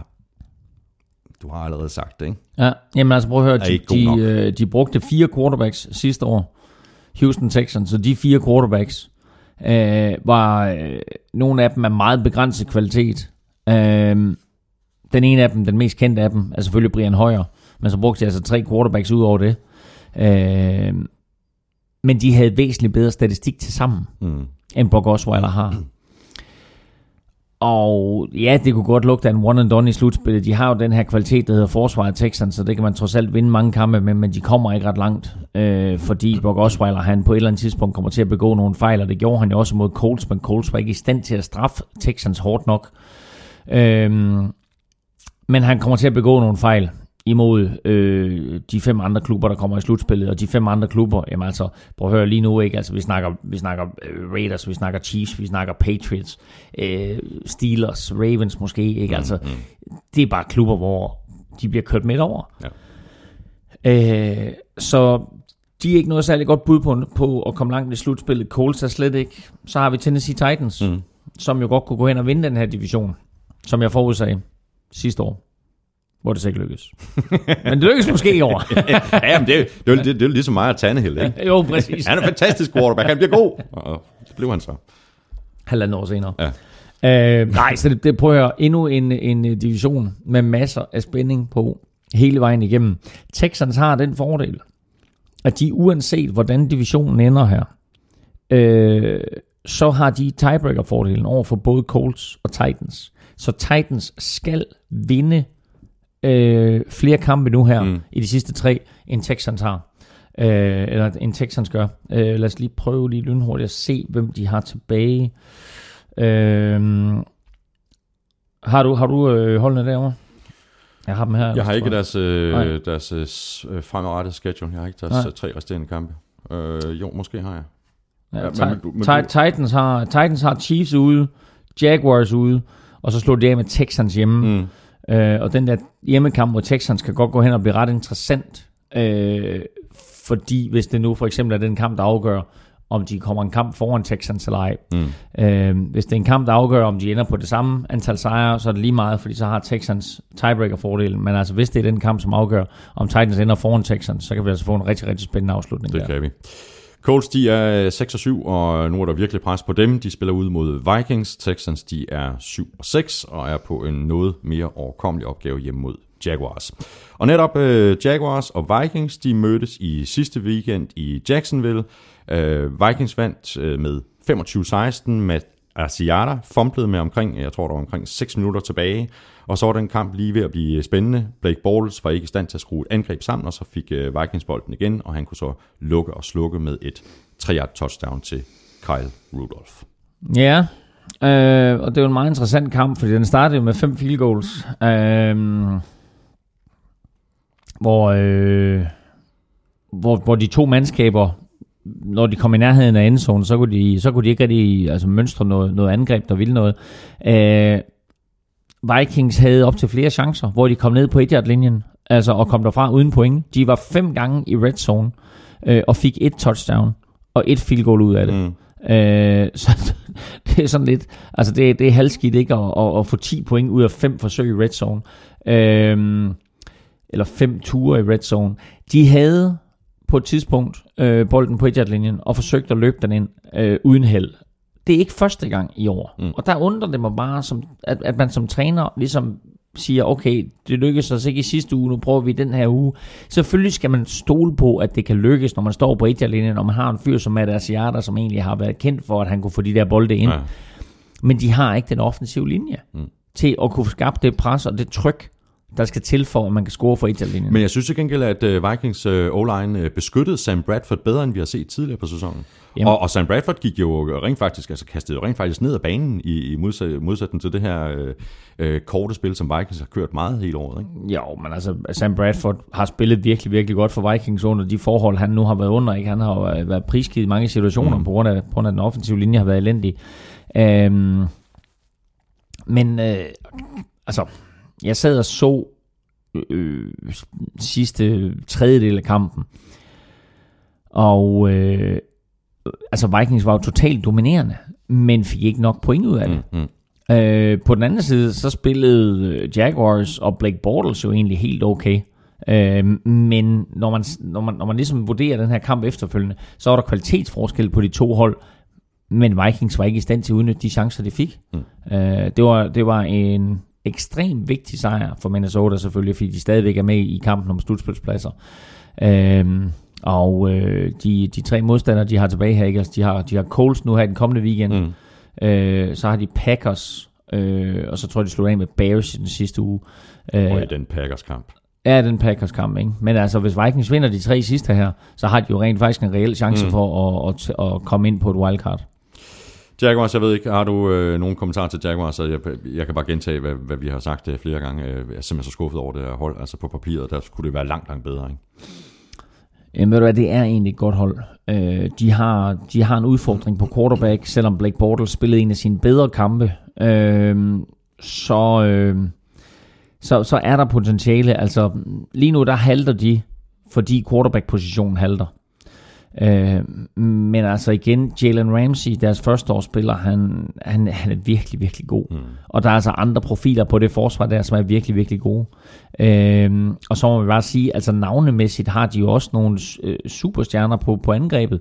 Men det hele det er centreret omkring quarterbacken, og der har Blake Bortles slet ikke haft den sæson, mm. som vi havde forventet af ham. Øh, eller også kan man sige, at alle de gode statistikker, som han havde fra sidste år, de blev skabt lidt på en billig baggrund til sidst i ja, nogle kampe. Lige præcis. Og, øh, og der skal han altså være skarpere i de første tre fjerdedel af kampene, så alle de her yards og touchdowns, han ikke får, de, de ikke kommer i fjerde kvartal, hvor det er lidt ligegyldigt. Og Vikings, de er 7 og 6, de møder Colts hjemme. Jaguars er 2 og 11, og de spiller ude mod Texans.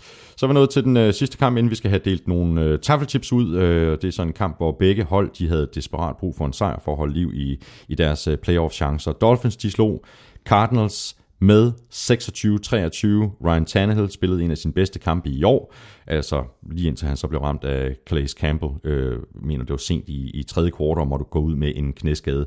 Øh, du var inde og se øh, kampen, Claus. Hvordan, øh, hvordan oplevede du den?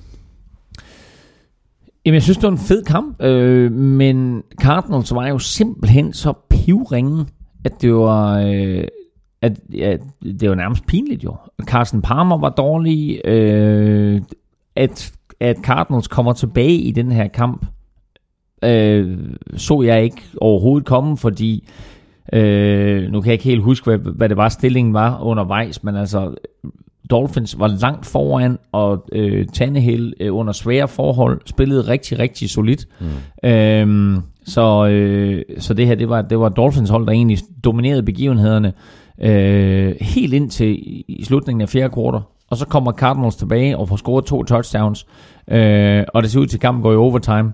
Og så sætter Dolphins jo backup quarterback Matt Moore ind, mm. da Ryan Tannehill han bliver skadet. Og, øhm, han havde lidt problemer i starten, men altså kommer han ind, så fyrer han altså nogle gode bolde afsted til hvad, Kenny Stills, ikke? Kenny Stills rammer, rammer han ja. øh, to gange, men, men den sidste, han, han rammer ham på, er den vigtige, fordi der, der får de altså bolden ned på omkring 5 linjen og så kommer Andrew Franks ind og sparker det afgørende field goal mm. til 26-23, og så gik kampen ikke i overtime.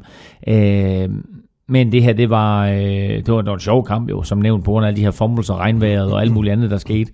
Men det var også, selvom nu det kun bliver sin 3 point sejr for, for Dolphins, så er det en udstilling af, hvor elendige Cardinals de er. Øh, og Carson Palmer spiller sig op i fjerde kvartal, men de første tre quarters, der var han decideret elendig. Han kaster to interceptions, øh, øh, fumbler to gange, hvor de, de mister den ene fumble. Ikke? Øh, vi har talt om det tidligere, de skal, de skal lede efter en ny quarterback. Ja, yeah, jeg tror, øh, jeg tror det her det må være Carson Palmers endeligt, øh, medmindre han øh, kan nyde godt af at, at, at have en off-season og måske komme lidt væk. Og, men altså, det, det virker til, at øh, det virker til, at den utrolig dårlige kamp, han havde i NFC-finalen imod Panthers, hvor han øh, begik seks turnovers, mm. at den har haft øh, stor indflydelse på ham mentalt. Ja. Og det lider han stadig under. Og det er ligesom om, at, at øh, det var bare det var, det var slutningen på ham som øh, en, en top-profil på quarterback-pladsen i NFL. Øh, så jeg, jeg tror ikke, at han øh, er fremtidens løsning, hverken på den lange bane eller på den helt korte bane Nej, det er i, i Cardinals. Vi er helt enige. Og Cardinals, de er 5-7-1, og de spiller hjemme mod Saints. Dolphins, de er 8-5, og de spiller ude mod Jets natten til søndag.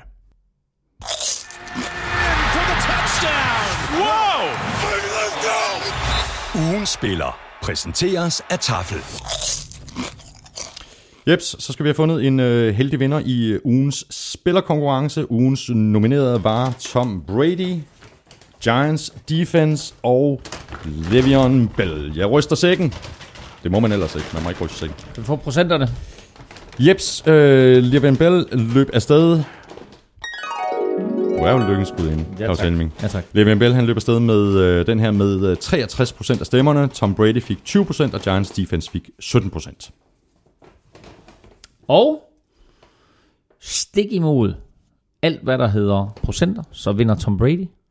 Eller, det passer ikke, men vedkommende her, der havde Tom Brady, vinder. Og det er Nick Lautrup fra Martsvinget 14 i Kolding.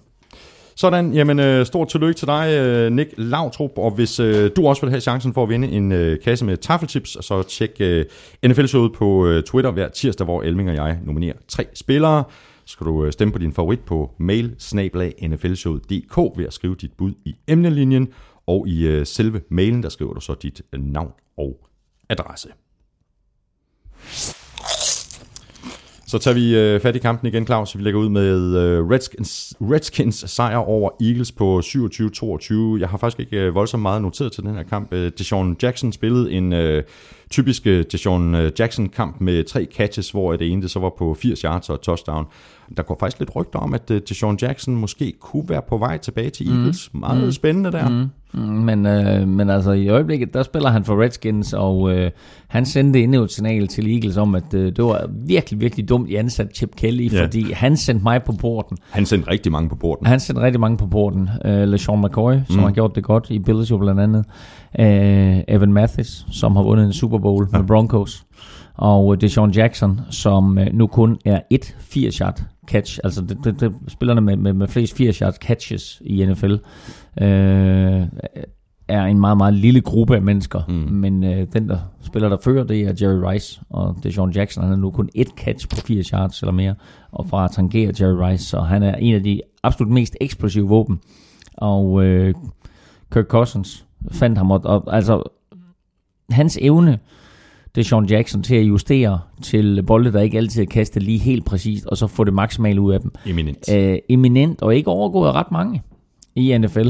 Æ, så han har altså nogle virkelig, virkelig fine kvaliteter, som man måske en gang imellem glemmer, det er Sean Jackson, når man taler om mm. de bedste receiver i NFL. Men tror du, de holder øh, på øh, det Sean Jackson? Altså, de har også Pierre Casson, og så har de så Jameson Crowder og Josh Doctson på deres øh, mm. rookie-kontrakter. Jeg kunne, godt, altså, jeg kunne godt se det for mig, at, at, øh, at han ryger tilbage til, til Eagles? Jamen, det ved jeg. Altså, jeg ved heller ikke, hvor meget, hvor meget hold der er i rygterne, men altså, øh, som han spiller i weekenden, øh, og som han har spillet, når han er på toppen, så er han jo virkelig, virkelig god.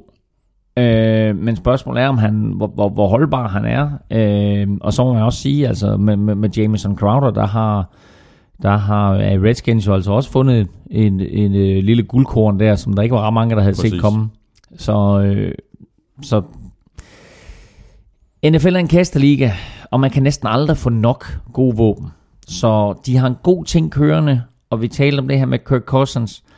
Øh, altså, jeg synes, de skal beholde ham. Altså, jo flere, jo flere eksplosive våben du har i NFL, jo bedre. Og har de råd til ham, så skal de beholde ham. men det er nok også Om- det, der er spørgsmålet. Og man skal lægge mærke til, at, at lønloftet til næste år ryger altså op på 164 millioner dollars.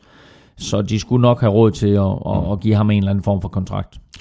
Jeg kunne godt tænke mig at, at tale lidt om uh, long snapper positionen. Nå, kunne du det? ja, fordi Eagles havde lidt, uh, lidt problemer. Deres long snapper gik Ja. ud med en skade, så gik uh, Brent Selleck, uh, deres tight end, og backup long snapper, han gik også ud med en skade. Ja. Og så holdt de uh, stort set uh, tryouts ude på, på sidelinjen, for at finde en, der kunne finde ud af Det at, var og long snappe. Det var helt i verdensklasse. øh, det er sådan, man, man taler om noget, der hedder depth chart i NFL. Og det er, at man simpelthen bare har listet godt, hvem er vores første quarterback. Det er ham og ham, hvem er vores anden quarterback, det er ham og ham, hvem er vores tredje quarterback. Og sådan er der en depth chart på alle positioner, og så kan du se, hvem, hvem, hvem, altså hvis en spiller bliver skadet, hvem rører så ind. Og øh, der havde øh, Eagles jo altså en, en depth chart, som hed deres første long snapper, og så deres anden long snapper. Øh, og så der, hvor der stod tredje long snapper, der var der tomt. Ja. Så der var ikke noget navn. Og så besluttede de sig for, at øh, tight end Trey Burton, han skulle ind og snappe.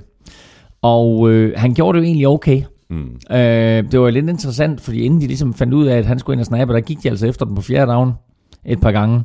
Øh, og der er jo øh, en eller anden high school coach i, øh, måske er det endda i college, øh, som svæver til at køre på fjerde down, uanset hvor han er henne på banen. Siger, jamen altså, vi vil hellere køre på fjerde down, vi gider ikke det der med at ponde, vi kører på fjerde down, uanset hvor vi er henne på banen. Mm. Øh, og det var jo lidt det eksperiment, som øh, Eagles de var ude i her. At de var tvunget til at køre den på fjerde down, for de havde ikke nogen, som kunne snappe bolden. Og så endelig så fik de så Trey Burton ind, øh, og han gjorde det sådan set rimelig godt. Og det interessante ved ham, det var, at sidste gang han snappede en fodbold, det er det, der hedder Pop Warner. Og Pop Warner, det er ikke high school. Det er ikke engang junior high school. Det er inden du kommer i junior high school. Mm. Altså det vil sige inden, altså før, øh, ja, før 4. klasse. Ikke? Han har ikke snappet en fodbold, for før han var måske en 10-11 år gammelagtigt. Nej, men det, det, men det viser Eller mig, det er, meget, siden- siden det, dengang. ja, det, det er bare et meget, meget godt eksempel på, at, at, at long snapper position, det er jo ikke, det er jo ikke noget, man, man, man taler om. Jo, hvis det går galt, Præcis. Ikke? Ja, ja. eller du ikke har nogen. Lige nøjagtigt. Og, og, og, og det er jo de her små detaljer, der er så super væsentlige. Mm. Men altså, hvem, hvem pokker øh, har en tredje long snapper? Men altså, det er jo bare vigtigt. Eagles, de er 5-8. De skal et uh, smut til Baltimore og møde Ravens. Redskins, de er 7-5-1, og de tager imod Panthers Monday Night. Titans, de vandt med uh, 13-10 over Broncos. De førte med uh, 10-0 ved pausen, efter et uh, touchdown af DeMarco Murray og et uh, field goal, efter at uh, Justin Forsett fumblede på sit allerførste løb midt i første quarter. Velkommen tilbage, siger headcoachen, ikke? Jo, altså, vil jeg mærke sit allerførste løb for sin nye klub. Jamen præcis. Ikke? Altså, Ja, ja. Så øh, ja, det var ikke, det var ikke så heldigt. Um, Nej, og så kom uh, Titans jo yderligere foran med 13 Ja. 13-0 Ja. øh, i, i, i tredje kvartal. og øh, Broncos kommer tilbage, gør det til 13-7, gør det til 13-10, har bolden, og øh, er jo sådan set godt på vej til at køre ned ad banen og komme i field goal afstand, og kan sende den her i overtime. Og så leverer Titans forsvar et stort spil, og får fremtvunget en fumble. Øh, er det Demarius Thomas, tror jeg, der griber den, øh, og så bliver den slået fri fra, altså han, han, han griber bolden, og så umiddelbart efter øh, bliver bolden slået ud af hænderne på ham, og så får Titans fat i bolden øh, og vinder kampen 13-10, så nævnt øh, tidligere øh, i dag, så kæmpe sejr for, for Titans, ikke kun fordi det var en sejr, men også fordi, at det nu etablerer dem rent faktisk mm. som en magtfaktor i AFC-halvdelen, og øh, vigtigt for dem, fordi Texans slog Colts, og de stadigvæk er lige i toppen af AFC South med, med, med, med Texans med syv sejre og seks nederlag. Og så ser vi heldigvis øh, meget sjældent øh, de her altså, øh, svinestreger, der helt matcher den her, som, øh, som øh, Harry Douglas han lavede på Chris Harris Jr. Jeg har sjældent set noget lignende, altså. Jo, hvorfor siger du det? Hvorfor jeg siger det? Ja. At vi heldigvis øh, sjældent ser de her svinestreger. Men hvad var det for en svinestreg? Jamen han blokerer fuldstændig, fuldstændig uprovokeret, han går fuldstændig lavt. Hvad er der vej med det? Der, var, der skete jo ingenting på det spil, han var jo ikke i nærheden, der, der var ingenting. Undskyld, lad os lige blive enige om. Bolden bliver løbet, er vi enige om det? Ja, Godt. Chris Harris er forsvarsspiller. Hans, hans opgave det er at få stoppet det løb. Mhm. Det løb, bliver, bliver, det løb foregår øh, måske hvad, 10 meter, 12 meter væk fra Chris Harris. Hvis det løb, det slipper fri, så er det Chris Harris' opgave at løbe tilbage og stoppe det. Men er det ikke stort set overstået? Han, han, øh, Chris Harris, han, han, han lunder bare, det er helt tydeligt. Han, han, Der han, er, er han er ingen- nærmest ikke i kampen. Der er ingenting i vejen med den blok. Den er helt inden for reglerne. Den går lavt. Chris Harris kigger ikke væk. Han kigger direkte mod spillet, eller endda øh, mod Harry Douglas. Der er intet i reglerne, der siger, at det der det ikke er en lovlig blok. Nå, det kan godt være, at du ikke synes, det var et problem. Det synes jeg. Agib Talib synes åbenbart også, at det var et problem. Fordi han røg du- fuldstændig i flæsket på, øh, på, øh, Ja, ja, på, og på, så- på Dr. senere. Nå, jamen altså, der kan man jo Og sige... så siger Agib Talib bagefter, sådan en svinestreg, han går i ryggen på ham. Og bla, han gik ikke i ryggen på ham, han gik i benene på ham, som er en fuldstændig lovlig blok. Og den måde, som en receiver kan blokere en forsvarsspiller på, det står i reglerne, og det er helt lovligt. Chris Harris' ben kommer i en uheldig position. Det har ikke en skid at gøre med, om, om Harry Douglas' blok var, var ulovlig eller en svinestreg eller ej. Det der, det var en lovlig blok, og han bliver ramt lidt uheldigt. Chris Harris kom ind på spillet efter og er helt okay. Mm. Nå ja, men det var da ikke fordi, at øh, det var mere selve handlingen, jeg noterede mig. Det var ikke, fordi han røg ud på krykker. Der er ikke noget galt med handlingen. Den er helt okay, den Hvis du kan reglerne. tale sådan der resten af Der er ikke podcasten i noget dag. galt med handlingen. Hvis, Claus, hvis Jamen, Broncos... de- Jamen, jeg, jeg, jeg, vil- jeg vil gerne lige have lov til at sige, jeg ved godt, at det her det har været bragt op flere steder, og især fordi Broncos-spillerne gik amok, og især fordi der blev lavet slagsmål, eller der opstod slagsmål og så videre, og, og, og Broncos-spillerne var sure på Harry Douglas, og der er også nogle medier, der har taget det op, og nu tager du det op. Der er intet i vejen med den blokering. Du skal sige det med den anden stemme, Claus. Der er intet i vejen med den blokering. Claus, øh, hvis, hvis Broncos de, øh, de misser slutspillet, så ved de vel godt, hvor øh, skylden den skal placeres. Det skal den på løbespillet. Øh, både deres eget, som de ikke rigtig kan få til at fungere, og så på deres defense, som ikke kan stoppe løbet. Du må gerne svare med din almindelige stemme. det er jeg virkelig glad for. Øh, det har været Broncos problem hele året. Mm-hmm. Det var, og, og vi opdagede det ret tidligt, at øh, de ikke kunne stoppe løbet. At øh, der er ingen tvivl om, at, at de har NFL's bedste bagkæde. Jeg nævne nogle gange også, men jeg tror også, jeg nævne nogle gange, at de har kæmpe problemer med at stoppe løbet. Og det havde de også i den her kamp. Øh, altså, Marcus Mariota ramte på hvad? 8 ud af 20 kast? Det må, det må, det må være det færre. 6, 6 ud af 20 for 88. 6 6 ud af 20 for 88 yards. Seks kast, det må være færrest completions af nogen quarterback i år. Seks completions i en kamp. Mm-hmm. Det er jo helt crazy. Ja, det er det. Og ved du hvad det vildeste del det er?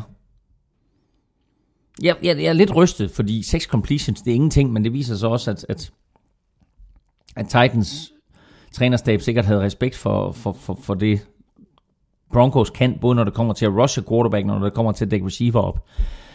Men i de ni uger inden den her kamp, de ni uger, der havde Marcus Mariota den bedste quarterback rating af alle i hele NFL. Mm. Det er vildt. Ja, men der var ikke brug for ham i den her kamp. Nej, det var, ja, jo, altså både, men seks completion. Wow. det, er, det er meget lidt. Ja. Titans, de er 7 og 6. De kommer på noget af en øh, opgave ude mod øh, Chiefs. Broncos, de er 8 og 5, og de spiller hjemme mod Patriots, og det er så også noget af en opgave, kan man roligt sige. Så videre til en kamp, som vi ikke skal spille øh, ret meget krudt på. Øh, Claus 49ers, de tabte til Jets hjemme med 23-17 efter overtime, og efter at have været foran med 17-3 ved pausen. Gode takter fra Bryce Petty til sidste kampen. Completed 8 ud af 11 på de sidste tre drives.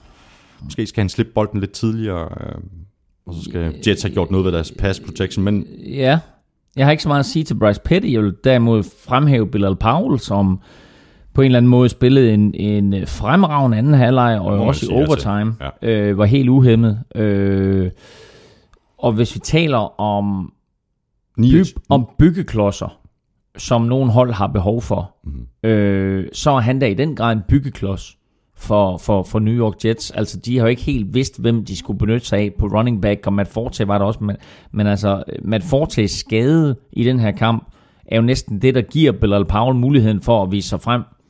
Øh, ja, 29 løb for 145 yards og to touchdowns. Ja, og, og klart, klart hans fleste løb og fleste yards øh, overhovedet i den her sæson. Øh, og det sidste touchdown kommer jo som det afgørende i overtime. 8 minutter inde i overtime, der, der får han bolden øh, og løber hele vejen til endzone på et ret, var det ikke, jeg tror det er 19 yard løb eller et eller andet, ikke? Øh, hvor, øh,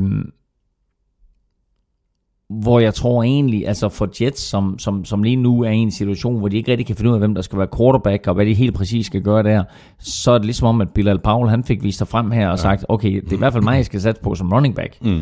Uh, og det, det er trods alt rimelig væsentligt. Mm. Uh, så det var en god kamp for ham, og en god, god kamp for ham, hvad angår hans fremtid uh, for, for Jets. En spiller, jeg vil øh, fremhæve, øh, i hvert fald en angrebsspiller, øh, der, der gjorde det godt, det var Carlos Hyde. Han øh, havde fuldstændig styr på den her Jets front 7. Han løb for 193 yards og mangler faktisk kun 121 øh, yards fra at få sin første 1000 yards sæson. Så var der flere øh, unge for Niner øh, spillere, der gjorde det godt på forsvaret. Det Forrest Buckner, Jacquizzi Tart, Jimmy Ward, øh, der stod for, for de fire sacks og sammenlagt 34 taklinger.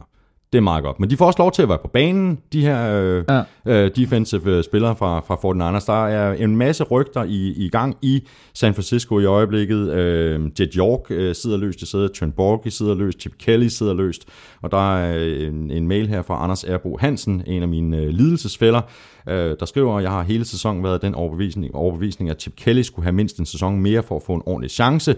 Nu er jeg ikke længere så sikker. Vi har i den her sæson været ganske godt med i første halvleg i mange kampe, så justerer modstanderne, og så ender vi med at blive udspillet. Så han håber altså, at der kommer en ny GM, der kan trække en ny head coach og en helt ny øh, trænerstab ind. Det er i hvert fald, det er i hvert fald øh, hvad end de gør i organisationen, og hvilken træner de indhiver ind, så skal de fortælle dem, at en kamp var fire quarters og ikke to quarters. Som du jo har sagt, øh, det, det sagde du allerede sidste år, øh, jeg tror nok, vi kørte Det er, der, break, jeg viser, breaking news. det er der, hvor jeg viser, hvor skarp jeg er. uh, og Fort Niners var rigtig, rigtig gode i første kvartal. Jeg kan godt lide, at du roser Carlos Hyde, men altså de der 193 yards, ikke? Da han havde 6 carries, som var midt i anden kvartal, 6 carries, der havde han 163 yards. Mm-hmm. Så fik han altså 30 yards øh, på de sidste 11. Øh, han var bare en del af, eller det er måske ikke så meget ham, men altså Fort Niners angreb og Fort Niners mandskab i det hele taget var jo pinligt ringe i anden halvleg. De var foran 17-3, og der tænkte jeg, okay, altså Jets, de ville ingenting, og de kunne ingenting, og det var lige ugen efter, de Men det ville de heller ikke. det var ugen efter, de blev ydmyget af Colts, ikke? Og så på en eller anden måde, så hiver de sig selv op ved hårrødderne og får udlignet og får vundet kampen i overtime. Mm. Jeps, jamen, øh, Fort Niners, de er 1 12, og de skal til øh, Atlanta og have bøllebank af Falcons. Jets, de er 4 9, og de spiller hjemme mod Dolphins, og det gør de allerede lørdag. Det er en lørdagskamp. Det er det nemlig. Interesting. Så fik øh, Seahawks øh, overraskende mange tæv på, på Lambeau Field. Øh, Packers de vandt med 38-10, og jeg ved faktisk ikke, om øh, Packers virkelig er kommet tilbage på sporet. Det tror jeg, de er.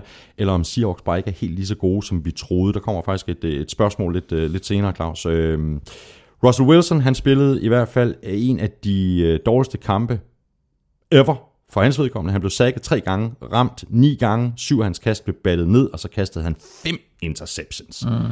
Han fik så heller ikke særlig meget hjælp fra sin receiver, det var ikke, øh, alle de her interceptions var ikke hans skyld, mm. men, f- men fem interceptions. Ja, altså jeg vil sige, man kan måske laste ham for de to, men øh, de tre andre, det, det, det, er, ikke, øh, det er ikke hans skyld. Øh, bolden bliver slået op og bliver slået lige over i hænderne på, på, på Packers forsvar, men altså øh, hatten af for Packers forsvar, fordi de spiller bedre, end de har gjort hele sæsonen. Øh, når det så er sagt, så har vi bare set, at Seattle Seahawks har kæmpe problemer på udebane. Øh, de, har, de har tabt til Buccaneers på udebane, og de har tabt rundt omkring på udebane, øh, hvor man bare tænker, nå okay, jamen, de kan simpelthen ikke finde ud af at spille på udebane. Og når jeg så kommer med den der teori der, ikke, så skal man bare lige tænke på, nå okay, jamen, de tog så også til Gillette Stadium og slog Patriots på udebane. Jamen, jamen, præcis. Så det er sådan lidt, nå ja, men altså... Øh, Men Mads Meyer, han spørger faktisk om, det var det her spørgsmål, ja. Som jeg refererede til. Kan I forklare, hvad der sker for Seattle, og ikke mindst deres offensiv, der sætter 5 point på tavlen ude mod Bucks, 40 hjemme mod Panthers, for så igen at gå i tomgang mod Packers. Er Seattle virkelig den contender, som mange siger? Altså selvfølgelig er det det, fordi øh, lidt afhængig af, hvordan resultaterne falder ud her de sidste tre uger, der kan de godt gå hen og, øh, og få hjemmebane, i hvert fald i, øh, i første runde af slutspillet, og måske endda sidde over øh, af første runde af slutspillet, og så få hjemmebane i anden runde. Så ja, de er farlige. Øh, og lidt afhængig af, hvad der sker med Cowboys. Ikke? Lad os nu sige, at, at Cowboys de taber deres første slutspilskamp. Øh, så har Seahawks pludselig hjemmebane hele vejen igennem slutspillet. Så er de selvfølgelig farlige. Men deres problemer med at rejse lige nu, øh, deres problemer med at spille på udebane, øh, borger ikke godt for dem, hvis det er sådan, at, at, de, øh, at de... Altså, de vinder jo med stor sandsynlighed NFC West. Det kan mm, ikke rigtig, rigtig have nogen tvivl om. nej. Så det vil sige, at vi ved, at de spiller på hjemmebane mindst én gang. Og så må vi så se, hvad der sker derefter. Men øh, om, øh, om, om de er gode nok til at vinde Super Bowl, altså lige nu er jeg Lige nu er jeg lidt i tvivl, fordi jeg synes, at de har den mangel, som mange hold lider under, nemlig at deres offensiv linje er horribel. Og øh, det var også en af grundene til, at øh, det gik så skidt for dem her i weekenden, og det er også en af grundene til, at de har tabt øh, nogle af de her kampe, hvor man bliver lidt overrasket over, at de taber. Ja, ja. Det er, fordi de har masser af kvaliteter på, øh, på, på mange andre positioner. Og så lige sige, altså 38 point, øh, som Packers scorer. Seahawks får ikke lagt pres på, øh, på, på øh, Aaron Rodgers, og så mangler Earl Thomas bare nede bagved. Mm. Øh, så det der, det der, og jeg nævnte det også i sidste uge, det der med, at Earl Thomas han er skadet derude for sæsonen for, øh, for, for Seahawks, det er nok en af de mere markante skader Ja. i NFL i år. Altså, Det det. vi snakker en sæson, hvor, hvor J.J. Watt er ude, hvor Robert, Rob Gronkowski er ude, hvor, øh, hvor flere andre øh, store profiler øh, er blevet skadet. Øh, men Earl Thomas er en virkelig, virkelig svær brik at erstatte, og en meget, meget integreret del af det der Seahawks forsvar. Øh, så det er lidt interessant at se, hvad der sker med Seahawks resten af vejen nu. Mm. Og så virker det til, at øh, Packers de, øh, de topper på det rigtige tidspunkt. Øh, efter en øh, noget øh, en svingende start på sæsonen, så har de de seneste tre kampe vundet samlet 86-36 over Eagles, Texans og Seahawks. Øhm, altså, at se det her angreb og den måde, som Aaron Rodgers han får beskyttelse af sin offensive linje. Altså, jeg tror ikke, der er nogen quarterback, der er i nærheden af at, at have lige så lang tid til at, at kaste bolden. Altså, det er jo helt sindssygt. Ja, øh, det, det- skal de have. Altså på offensiv linje, så øh, har han virkelig, virkelig, virkelig god offensiv linje omkring sig. Og så er der ikke nogen quarterback i NFL, der bevæger sig så godt i lommen, som han gør.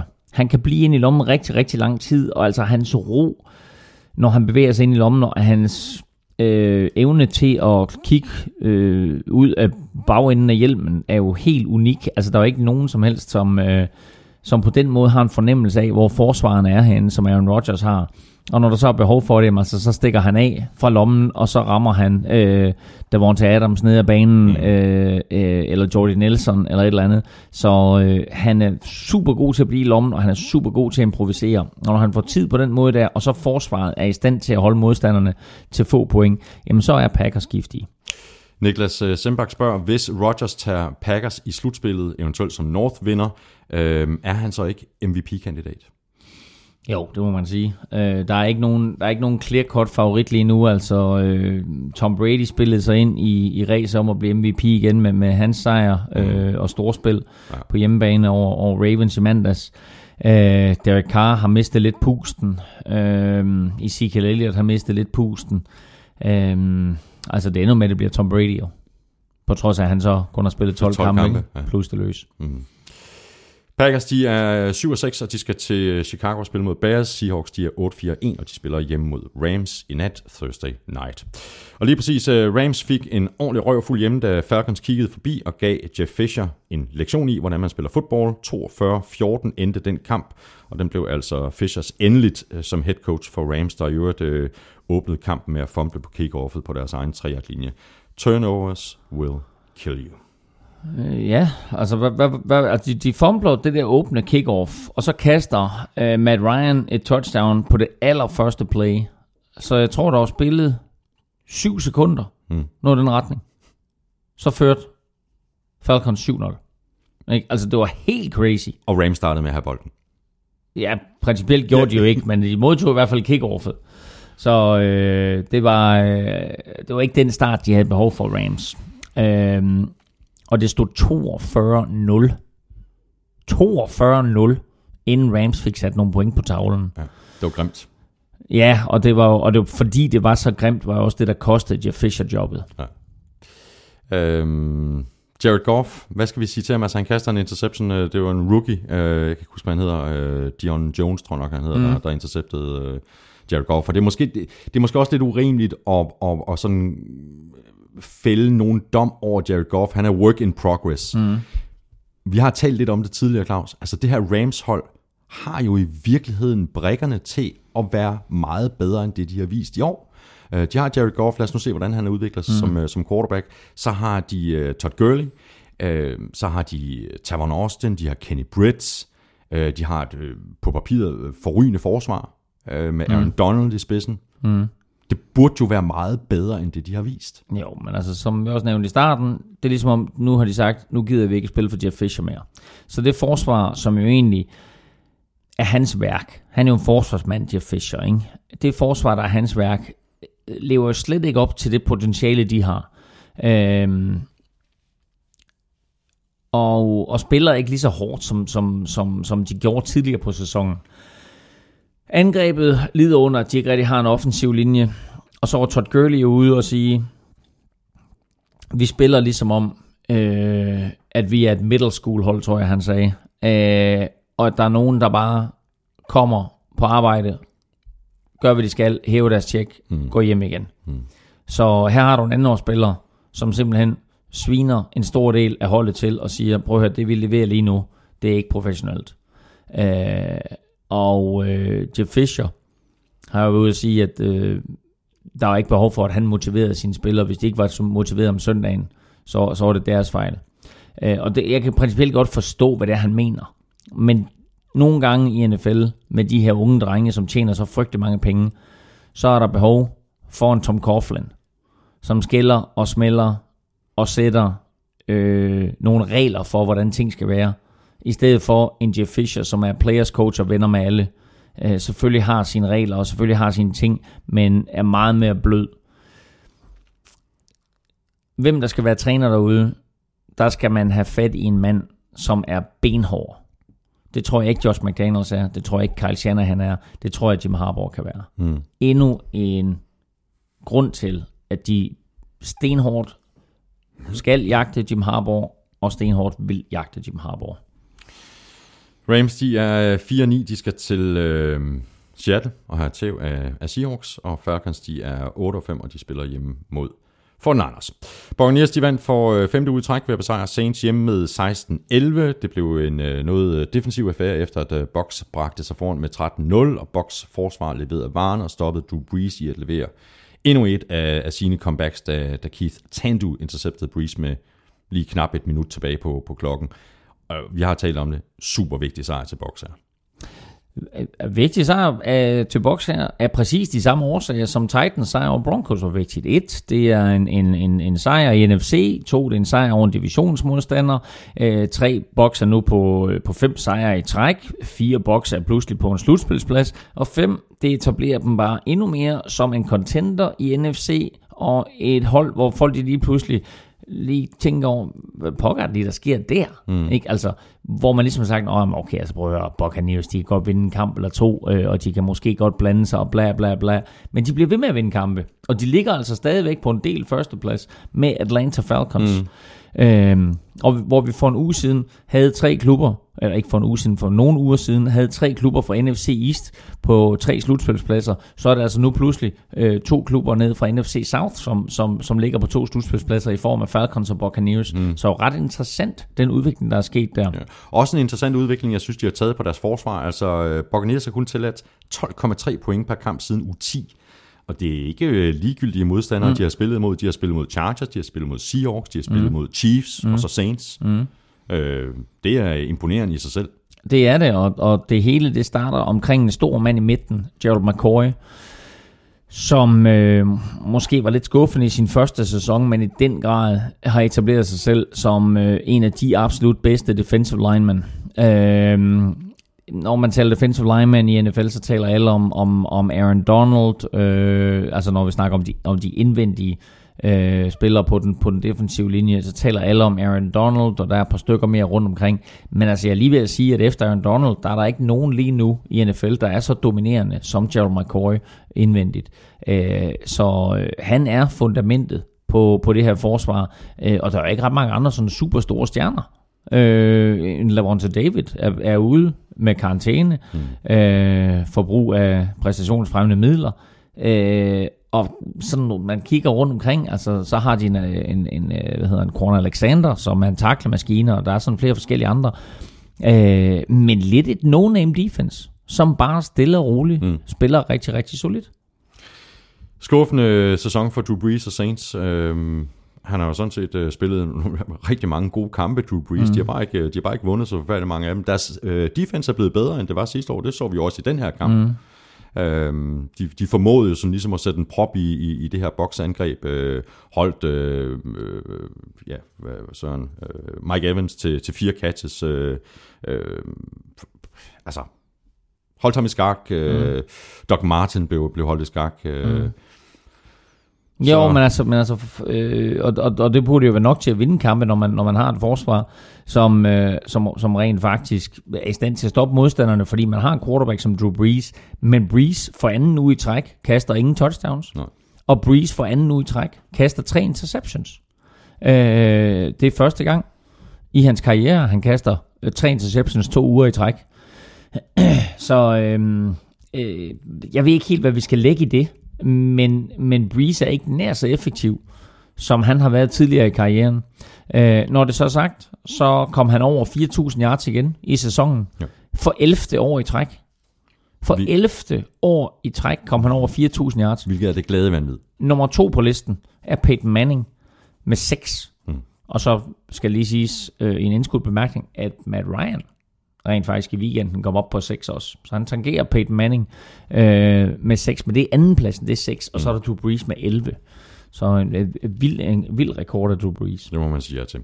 Saints, de er øh, 5 og 8, og de skal til Arizona spille mod øh, Cardinals. Buccaneers, de er 8 og 5, og de spiller ud mod Cowboys. Så lige præcis, øh, Cowboys, de indkasserede så deres øh, første nederlag siden u 1. De tabte med øh, 10-7 til Giants i New York, og dermed har Cowboys så tabt to kampe i år, begge til Giants, og ja, sikkert en kamp. Altså, øh, Cowboys øh, første runde øh, bye, og, og Giants øh, playoff drømme var på spil i den her kamp. Mm. Jo, øh, og jeg så Cowboys for 14 dage siden i Minnesota. Og det var en kamp, som Vikings burde have vundet. Men der trak Cowboys måske det længste strå, fordi Cowboys havde selvslid og momentum, og Vikings måske øh, præcis det modsatte, efter at have tabt et, et hav, efter en god start på sæsonen, og så har tabt et hav af kampe. Mm. Men Vikings forsvar dominerede i alle kategorier imod Cowboys. Og Giants må have slikket sammen munden, da de så det, og sagt, prøv at høre, vi kan gøre det samme. Mm. De gjorde det i spil U1, hvor de slog øh, Cowboys, men i den spil U1, der skal vi også tænke på, det var altså der, hvor Terrence Williams greb en bold og blev inden for sidelinjen, i stedet for at løbe ud over sidelinjen. Hvis han var løbet ud over sidelinjen, så var tiden stoppet, og så kunne Giants rent faktisk, have, eller så kunne Cowboys rent faktisk have vundet kampen. Nu løb tiden ud for Cowboys i den der spil U1, og så vandt Giants. Det var den eneste kamp, Cowboys har tabt hele året. Nu taber de så igen. Og Giants stoppede Cowboys igen og igen og igen. Og Cowboys i de sidste to uger imod Vikings og imod Giants har konverteret to ud af 24 tredje downs. Det er en fuldstændig vild stat. To ud af 24 tredje downs. Mm-hmm. Så enten var det fordi, det var to virkelig, virkelig gode forsvar.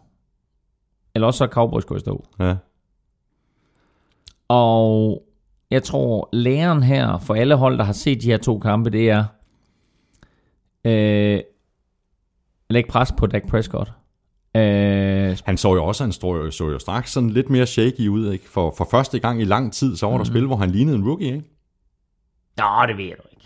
Det ved jeg ikke. Jeg synes, jeg synes, jeg synes faktisk, at han agerer meget roligt, og meget mere roligt, end man normalt ser rookies. Hvad, hvad tænker Og du det, specifikt det, på? nej, nej, ikke noget specifikt. Det er jo typisk set bare indtrykket af at se kampen. Ja. Han laver også nogle helt, øh, helt eminente spil. Altså, ja. øh, der er sådan en, en, en, en playfake, jeg kan ikke huske, hvem det er, der han kaster. Han, han sælger bare fuldstændig mm. løbet til Ezekiel mm. Elliott ud, ud til venstre, og så løber han modsat, og så, øh, jeg, jeg kan ikke huske, hvem det er, han, øh, han, finder dybt. Øh, Jeg tror, det er Cole Beasley.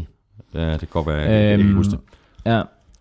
Øh, nej, jeg synes egentlig, han spiller godt. Men, øh, men altså, der er jo allerede folk, der begynder at råbe på Romo, ikke? Mm. Øh, fordi nu har han haft øh, sådan to middelmodige kampe i træk, Dak ja. Ja. Prescott. Men altså, spis nu lige brød til, og lad os Ja, se, hvad der sker.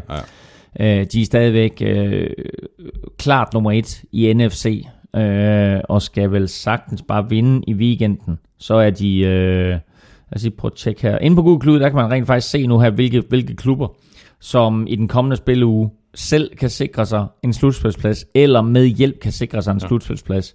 Og hvis vi kigger under NFC, så står der Dallas Cowboys sikrer sig NFC East-divisionen og oversidder i første runde med øh, en sejr øh, og et nederlag til Giants.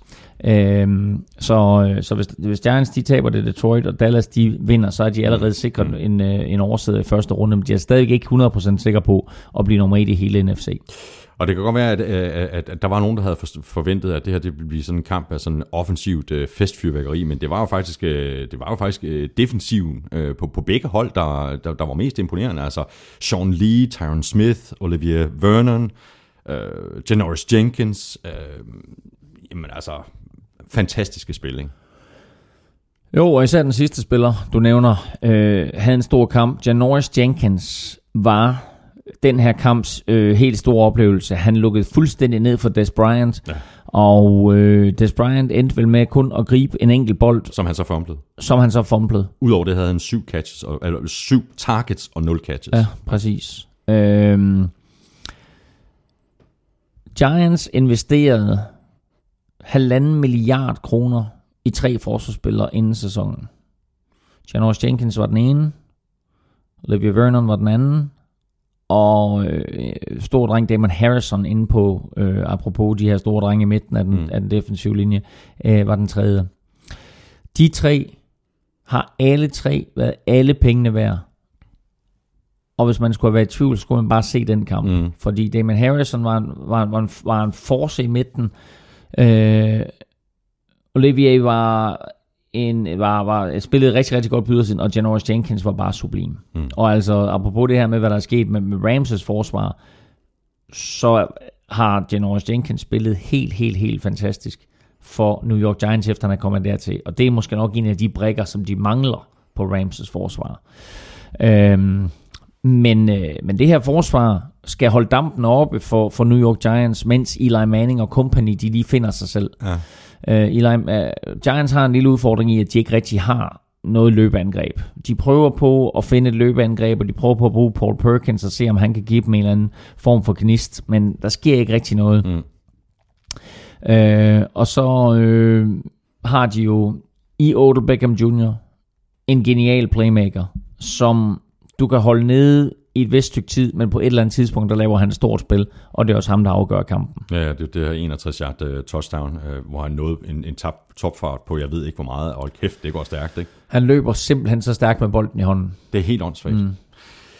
Og Cowboys, de er øhm, 11-2, de møder Bucks hjemme. Giants er 9-4, de spiller øh, hjemme mod øh, Lions. Også et øh, very interesting opgør. Så mangler vi bare øh, Monday Night-kampen fra New England. Patriots øh, angreb gik amok med 496 yards mod ligaens vel nok bedste forsvar. Og Patriots vandt med øh, 30-23. Og den kamp, hvor du så også ind og se, Claus, hvor heldig har man lov at være. Det var, øh, det var en fed kamp, og, og Patriots dominerede jo begivenhederne fra start til slut. Det skulle aldrig have været så tæt, men, øh, men to special teams gigafejl. Øh, ja, på, på to spil i træk. På to spil i træk. Øh, førte Ravens tilbage i kampen. Mm. Først så var det et fumblet punt, og derefter så var det et, et uh, fumblet kickoff return. Øh, så, øh, så der fik de 14 point foræret. Øh, Baltimore Ravens i, i tredje kvartal, og pludselig så var de med i kampen og havde faktisk også chancen for øh, at bringe sig foran. Mm. Øh, Efter vel og mærke havde været bagud med 23-3. De var bagud 16-0, og de var bagud 23-3, og det hele det så ud som om, at det her, det vil Patriots stille og roligt køre hjem, men så kommer de tilbage, øh, får scoret to touchdowns, det bliver 23-14, eller 23-17, og så har de faktisk chancen for mm. at score touchdown og komme foran 24-23 med Monois med et field goal.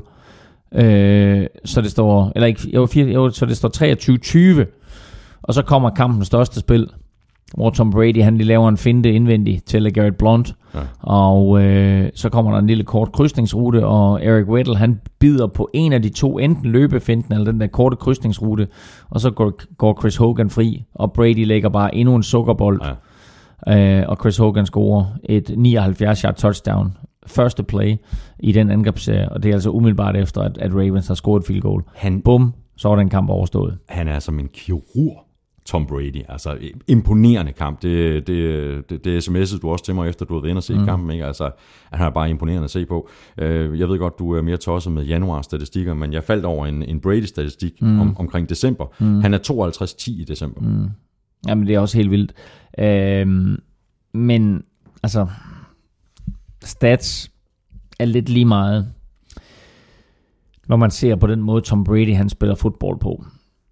Fordi hans præcision er uforlignelig. Jeg var dybt, dybt imponeret over nogle af de plays, han leverede. Der er på, der er, de kører et, et ret sjovt play på et tidspunkt, Patriots, hvor de laver en, en flea flicker, altså hvor de først giver bolden til LeGarrette Blunt, men normalt, når man kører en flea flicker, så sender man running backen op i midten, og så vender han rundt, og så kaster mm. han bolden tilbage, øh, og så kaster quarterbacken bolden fremad. Her, der løber de sådan set nærmest et sweep ud til højre, Øh, og så stopper LeGarrette Blunt op og, og, og pitcher bolden tilbage til Tom Brady, og så er der en offensiv lineman, der beskytter Tom Brady, og så kigger han dybt, og den spiller han ramt dybt, er ikke fri. Og, øh, og så tror jeg faktisk, det er Chris Hogan igen, som er på en krydsningsrute, men han har en øh, spiller nærmest hængende på ryggen af sig, Chris Hogan. Alligevel så rammer Tom Brady Chris Hogan i løb. Altså Chris Hogan sprinter på tværs og ned af banen, altså sådan, så han bevæger sig væk fra Tom Brady, samtidig med han løber på, på, på, på, på kryds af banen, og Brady leverer en bold, der ligger lige i hænderne. Jeg kiggede på det der kast, og så tænkte jeg, det der, det er så præcist, det er så uhemmet præcist, mm. øh, og det gjorde han bare igen og igen, Tom Brady. Ja. Øh, og det er altså noget af det, der adskiller ham fra rigtig, rigtig mange andre quarterbacks i ligaen. Så når man snakker om de her, lad os sige, 10 bedste quarterbacks i ligaen, der er der mange af dem, der har den kvalitet, men Brady gør det spil efter spil, kamp efter kamp, år efter år, og det er derfor, han nu har vundet 202 kampe i træk, øh, og er den mest vindende Ah, men ikke 202 kampe i træk. Ah, han trods undskyld, så 202 kampe i alt. 202 kampe i træk, ja. De har vundet de sidste 16 Super Bowls. Øh, nej, øh, 202 kampe i alt, mm. ikke? Ja, hvad siger Øhm, du til uh, Malcolm Mitchell? Han er speedy, uh, giver vel uh, Brady i virkeligheden sådan det hurtigste våben siden uh, Randy Moss. En rookie. Jamen, han gør det godt. Øh, altså, øh, kombinationen af Kevin Hogan og mm. Malcolm Mitchell mm. gør jo egentlig, at, øh, at hvis de har haft Gronk, kan det bare være mega uretfærdigt. Ja. Nu har de så valgt at sige, okay, nu spiller vi ikke med Gronk. Ikke? Det, er skide, det, det er synd for jer andre. Vi sætter Gronk på bænken. Vi spiller uden Gronk for nu af. Ja, spille, okay, altså, nu gør vi det fair for alle, og spiller vi uden Gronk. Ej, men de to der opvejer sådan set alt det, øh, alt den mangel, som Gronk kunne være. Nu ændrer de bare hele deres offensive strategi. Nu er det ikke så meget Gronk, nu er det de der to speedy receiver. Øh, så er det Julian Edelman, og måske Danny Amendola, han var ikke med i weekenden, men måske de to, som på de, på de øh, korte krydsningsruter, og så har de Martellus Bennett også at lege med, og så har de Gian Lewis og James øh, White som running back, som et kan løbe bolden, og, og to kan gribe bolden ud af backfielden, og når ja, hvis vi så skal løbe tungt, så har vi LeGarrette Blunt. Mm. Det er vildt. Så, Det er vildt. så det havde været mega uretfærdigt, hvis de havde haft Gronk også. Øh, noget andet, der var vildt, det var det her field goal block. Øh, der er kommet flere, flere spørgsmål om det. Øh, Peter Bjarnum, han skriver, efter at have set Shea McClellans mageløse field goal block mod Ravens, har jeg følgende spørgsmål til forsvarets opfindsomhed. Må forsvaret hjælpe en spiller op i luften, eller når en cheerleader bliver kastet op i luften, for at blokere et field goal?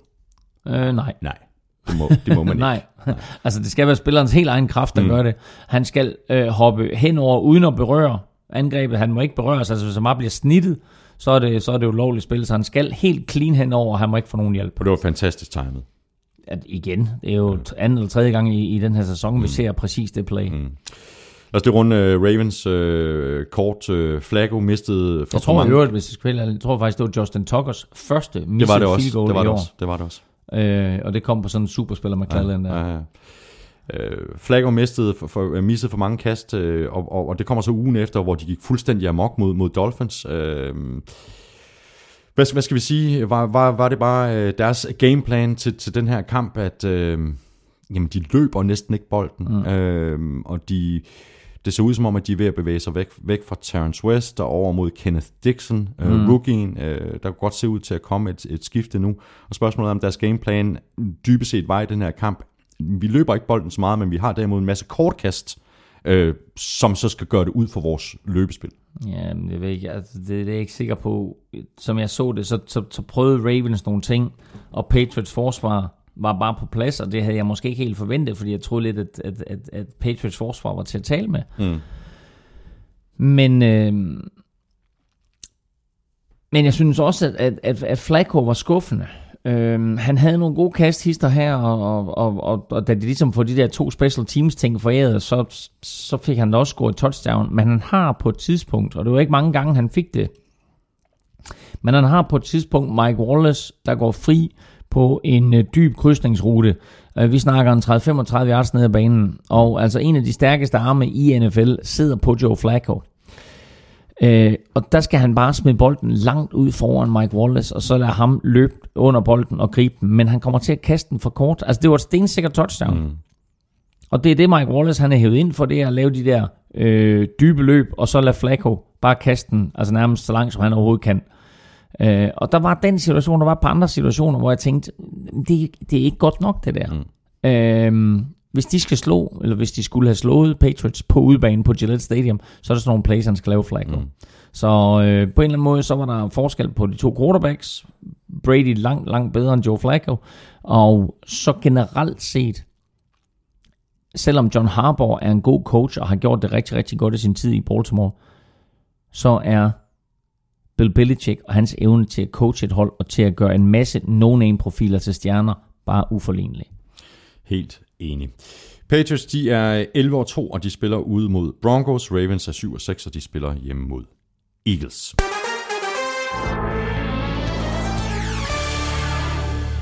Nå, Claus Elming, nu har vi rundet to timer og 11 minutter. Vi er nået igennem uh, spil uge 14. Lige om lidt, der sætter vi vores uh, picks til uh, næste uge. Du får også svar på uh, quizzen, eller jeg skal i hvert fald forsøge at svare på quizzen. Uh, så får du også ugens bogstav i den store bogstavleg fra Tafel og spiltip til Oddset på Danske Spil. Lige nu, der kan du shine, Claus, med dit momentometer. Ah, hold da op, det er jeg fuldstændig glemt. Øh, Det må du aldrig glemme. Nej, nej, nej, men jeg har bare glemt, at vi skulle til det jo. Øh, momentometer. Bum. Øh, ja, og det er for spil uge 14, og der er en ny etter. Vil du have lov til at gætte på, hvem det er? Må ikke, det er Patriots. New England Patriots er tilbage på førstepladsen. Nummer to er Kansas City Chiefs. Mm-hmm. Cowboys falder på plads, og de er på tredjepladsen. Oakland Raiders falder på plads, og de er på fjerdepladsen. Og ind på femtepladsen, Detroit fucking Lions. Og så fortjent. Bum. Bunden. Nu får de Niners nummer 32. De er faktisk stadigvæk nummer 31. Hvad er der med dig? Jamen, jeg ved det ikke. Jamen, altså, altså, Cleveland Browns har stadigvæk ikke vundet nogen kampe, så de er stadigvæk Prøv nu her. Jeg vil, have, jeg vil have perfektion nede i bunden. Altså ligesom du havde perfektion i vores fantasy liga Ja. med, med, med 0 og 14, så vil jeg have for den Niners nummer 32. Jamen, Det, det må får- du lige rette op på næste gang. Jamen, altså, Cleveland Browns er 0 og 12, så det giver ikke nogen mening, det du siger der. Nå. Har du, har du jo set det billede der? Inde på mit momentometer. Kan du se, om det er? Øh, nej, det kan jeg faktisk ikke. Det er Randy Det er jo Randy Moss, der står sammen med Bill Belichick. Det er det da. Ja, ja. Så øh, jeg var i øh, den heldige situation, at de her 40 medrejsende, vi havde øh, med ind at se Miami Dolphins om søndagen, og så op til New England om, om mandagen, at dem øh, havde lavet en aftale med New England Patriots om, at vi fik lov til at komme ned på banen. Og øh, så stod vi dernede og fik taget et billede, og så lige pludselig så var Randy Moss der, og så lige pludselig så var Bill Belichick der, og så tænkte jeg, hold da op. Det er meget godt Og så fik, fik vi taget et lille billede af de to. Dejligt. Vi skal have quizzen! Åh. Det er tid til quiz, quiz, quiz, quiz, quiz. Elming, du har allerede svaret på, øh, på dæk-quizzen fra Søren Armstrong. Ja. Den, var ikke, øh, den var ikke så svær. Nej, det kan man ikke påstå. Øh, Den var, den var skrevet lige til mig, om mig. Det var den. Jeg skulle svare på øh, en quiz, og det var... Øh, Det var, at Aaron Rodgers og Jordan Nelson ja. Er på 57 touchdowns.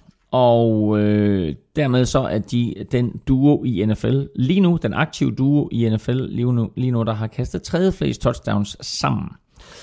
Hvem er foran dem? jeg mener, det er Peyton Manning og Reggie Wayne. Jamen, jeg sagde aktive. Nå, aktiv. Ja. Åh. Så jeg sidder og tænkt på øh, historie, og det var både Nej. Marvin Harrison og Reggie Wayne og Steve Ja. Young til Jerry Rice. Ja, nej, aktive. Ah, Can't do it. Nej, jeg, jeg, orker ikke at, jeg orker ikke at tænke forfra. Aktiv. Jeg vil hjælpe dig så meget, at begge kombinationer er en quarterback til en tight end. Brady til Gronk. Er nummer to med 67. Og den Så, aktive øhm, kombination i NFL, der har ramt hinanden for flest touchdowns, er Smith til Kelsey. dog ikke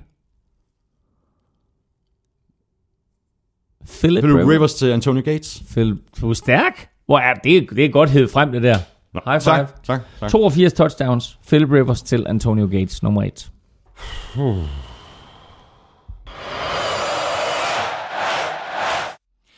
Lidt heldig har man været. Har man Godt spil. ikke? Ja.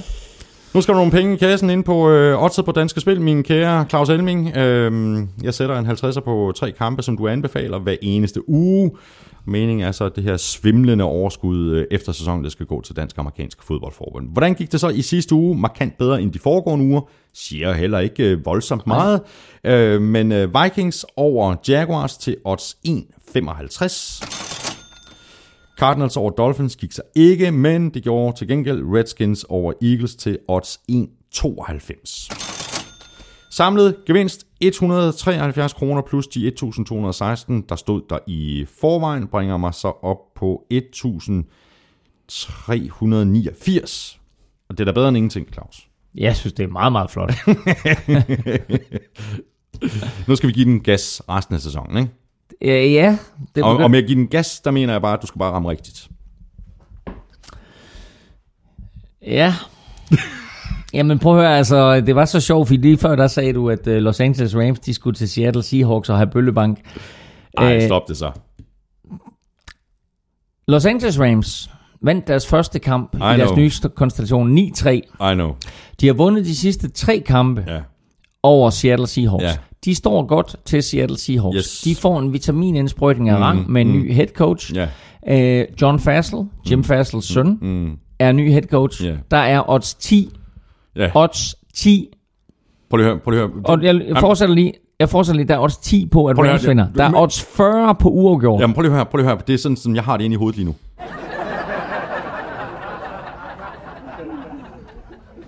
Der er odds 40 på uafgjort. Jeg tager en chance og siger, at den her kamp, den ender uafgjort i normal spilletid til odds 40. Men okay til odds 40, ikke? Mm. Ja, ja. Jeg tror ikke på det, men øh, det kunne være fedt. Så er meget af sæsonen reddet i land. Odds 40. Du bliver desperat nu. Nej, brød, odds 40, det er da fuldstændig vanvittigt. Men det er jo lige meget, hvad oddset er, Claus Elming, hvis den ikke går hjem. Prøv at høre, altså, hvis man ligger ind med en 50'er, så man ikke lige ved, hvad man skal... Altså, jeg vil hellere lægge en 50'er på odds 40, end at gå ned og bruge den på en fadøl et eller andet sted. Ja, det vil jeg også. Og det, men jo, det er det ikke dig, der bruger 50'er her i firmaet. Det er mig. Ja. Tre af slagsen hver uge, ikke? Bum. Godt. Det Nå. var den første. Ja, Den er fed, hvis den går hjem. Så nævnte du, at der var en lørdagskamp, og der er nemlig en enkelt lørdagskamp, og det er New York, New York Jets mod Miami Dolphins. Og øh, Matt Moore, eller ej, så vinder Miami Dolphins den kamp, og det er der 1,77 for i odds. Mm-hmm. Øh, og så var der faktisk flere andre interessante kampe, men jeg synes, at New England Patriots viste mig så meget på hjemmebane, at de også tager til Denver Broncos og vinder på udebane. Så der er 1,65 på, at Patriots vinder på Mile High. Det var altså øh, tre øh, bud. Det ene meget, meget friskt øh, på, hvor det måske kunne være værd at smide en øh, mønt eller to inde på odds på danske spil. Øh, det er bare en øh, lille bit smule sjovere når, når, at følge de her kampe, når man har lidt på højkant. Sådan har det i hvert fald. Øh, sådan har jeg det i hvert fald selv. Klaus Emne, du ser ud som om, du øh, ville tilføje et eller andet. Ah, jeg vil bare lige sige, jeg synes, der er et interessant odds øh, på, på den sene søndagskamp. Dallas Cowboys hjemme mod Tampa Bay Buccaneers. Box giver altså 3,65. Det er da et rigtig interessant odds. Ja, det er det. Altså, øh, der er ligesom en eller anden form for blueprint ude på, hvordan man slår Cowboys. Ja. Så, øh, så hvis Box de følger det, så er der altså gode odds på. Ja, og boxer at- on a roll. Præcis. Nu skal vi sætte vores øh, picks til øh, 15. spillerunde. Før vi gør det, så skal jeg lige have rettet en lille fejl, jeg er kommet til at lave, og som øh, Lukas Willumsen har gjort mig opmærksom på på øh, mailsnabla.nflshow.dk. Jeg er kommet til at kreditere os for en kamp for lidt i uge 11. Øh, også begge to, Claus, øh, så Ja. det betyder ikke noget i forhold til stillingen, Nej. men øh, betyder altså, at stillingen før seneste spillerunde var 117-112 til dig. Hvordan gik det så i sidste uge? Nu sidder man et dumt smil på. Jepsen, det gik Nå. nemlig rigtig, rigtig godt Nå. for mig. Uh, nu er jeg kun bagefter med tre. Du havde 9 rigtige, jeg havde 11, jeg havde Chiefs og Panthers, uh, og ellers så havde vi de, øh, de samme kampe. Stillingen er nu 126-123 i din favør, Claus. Sådan. Kan, kan du mærke, at du er presset? Nej, faktisk ikke. 0 og 14 fantasy, super skarp. Nej, der er, ikke, noget- der er ikke noget, der går i steg. Nå, lad os så tage dem. Seahawks, uh, Rams, der siger du Rams. Jeg siger Seahawks. Jeg siger også Seahawks. Jeg sagde den endte uafgjort i normal spilletid. Åh oh, ja, det er det. Jets, Dolphins. Dolphins, Dolphins. Bears, Packers. Packers. Packers, Bills, Browns. Bills. Sig så Browns. Kom så. Bill, så. Bills, Ravens, Eagles. Ravens. Ravens, Chiefs, Titans. God kamp. Men jeg siger Chiefs. Chiefs, Bengals, Steelers. Steelers, Could be a trap game. Ja, men jeg siger også Steelers. Mm. Giants, Lions. Endnu en fed kamp. Giants, Giants. Vikings, Colts. Vikings. mm, hvor har den en, uh, hvorfor har jeg den? Vikings, Vikings. Der er Vikings, Texans, Jaguars. Texans. Texans, Cardinals, Saints. Cardinals. Saints, Der hentede jeg endnu en på dig. Det er dejligt. Falcons, 49ers. Falcons. Falcons, Chargers, Raiders. Raiders. Raiders, Broncos, Patriots. Patriots. Cowboys, Buccaneers. Også spændende. Jeg siger altså Cowboys. Jeg tror ikke, de taber to i træk. Cowboys, Redskins, Panthers. Redskins. Redskins.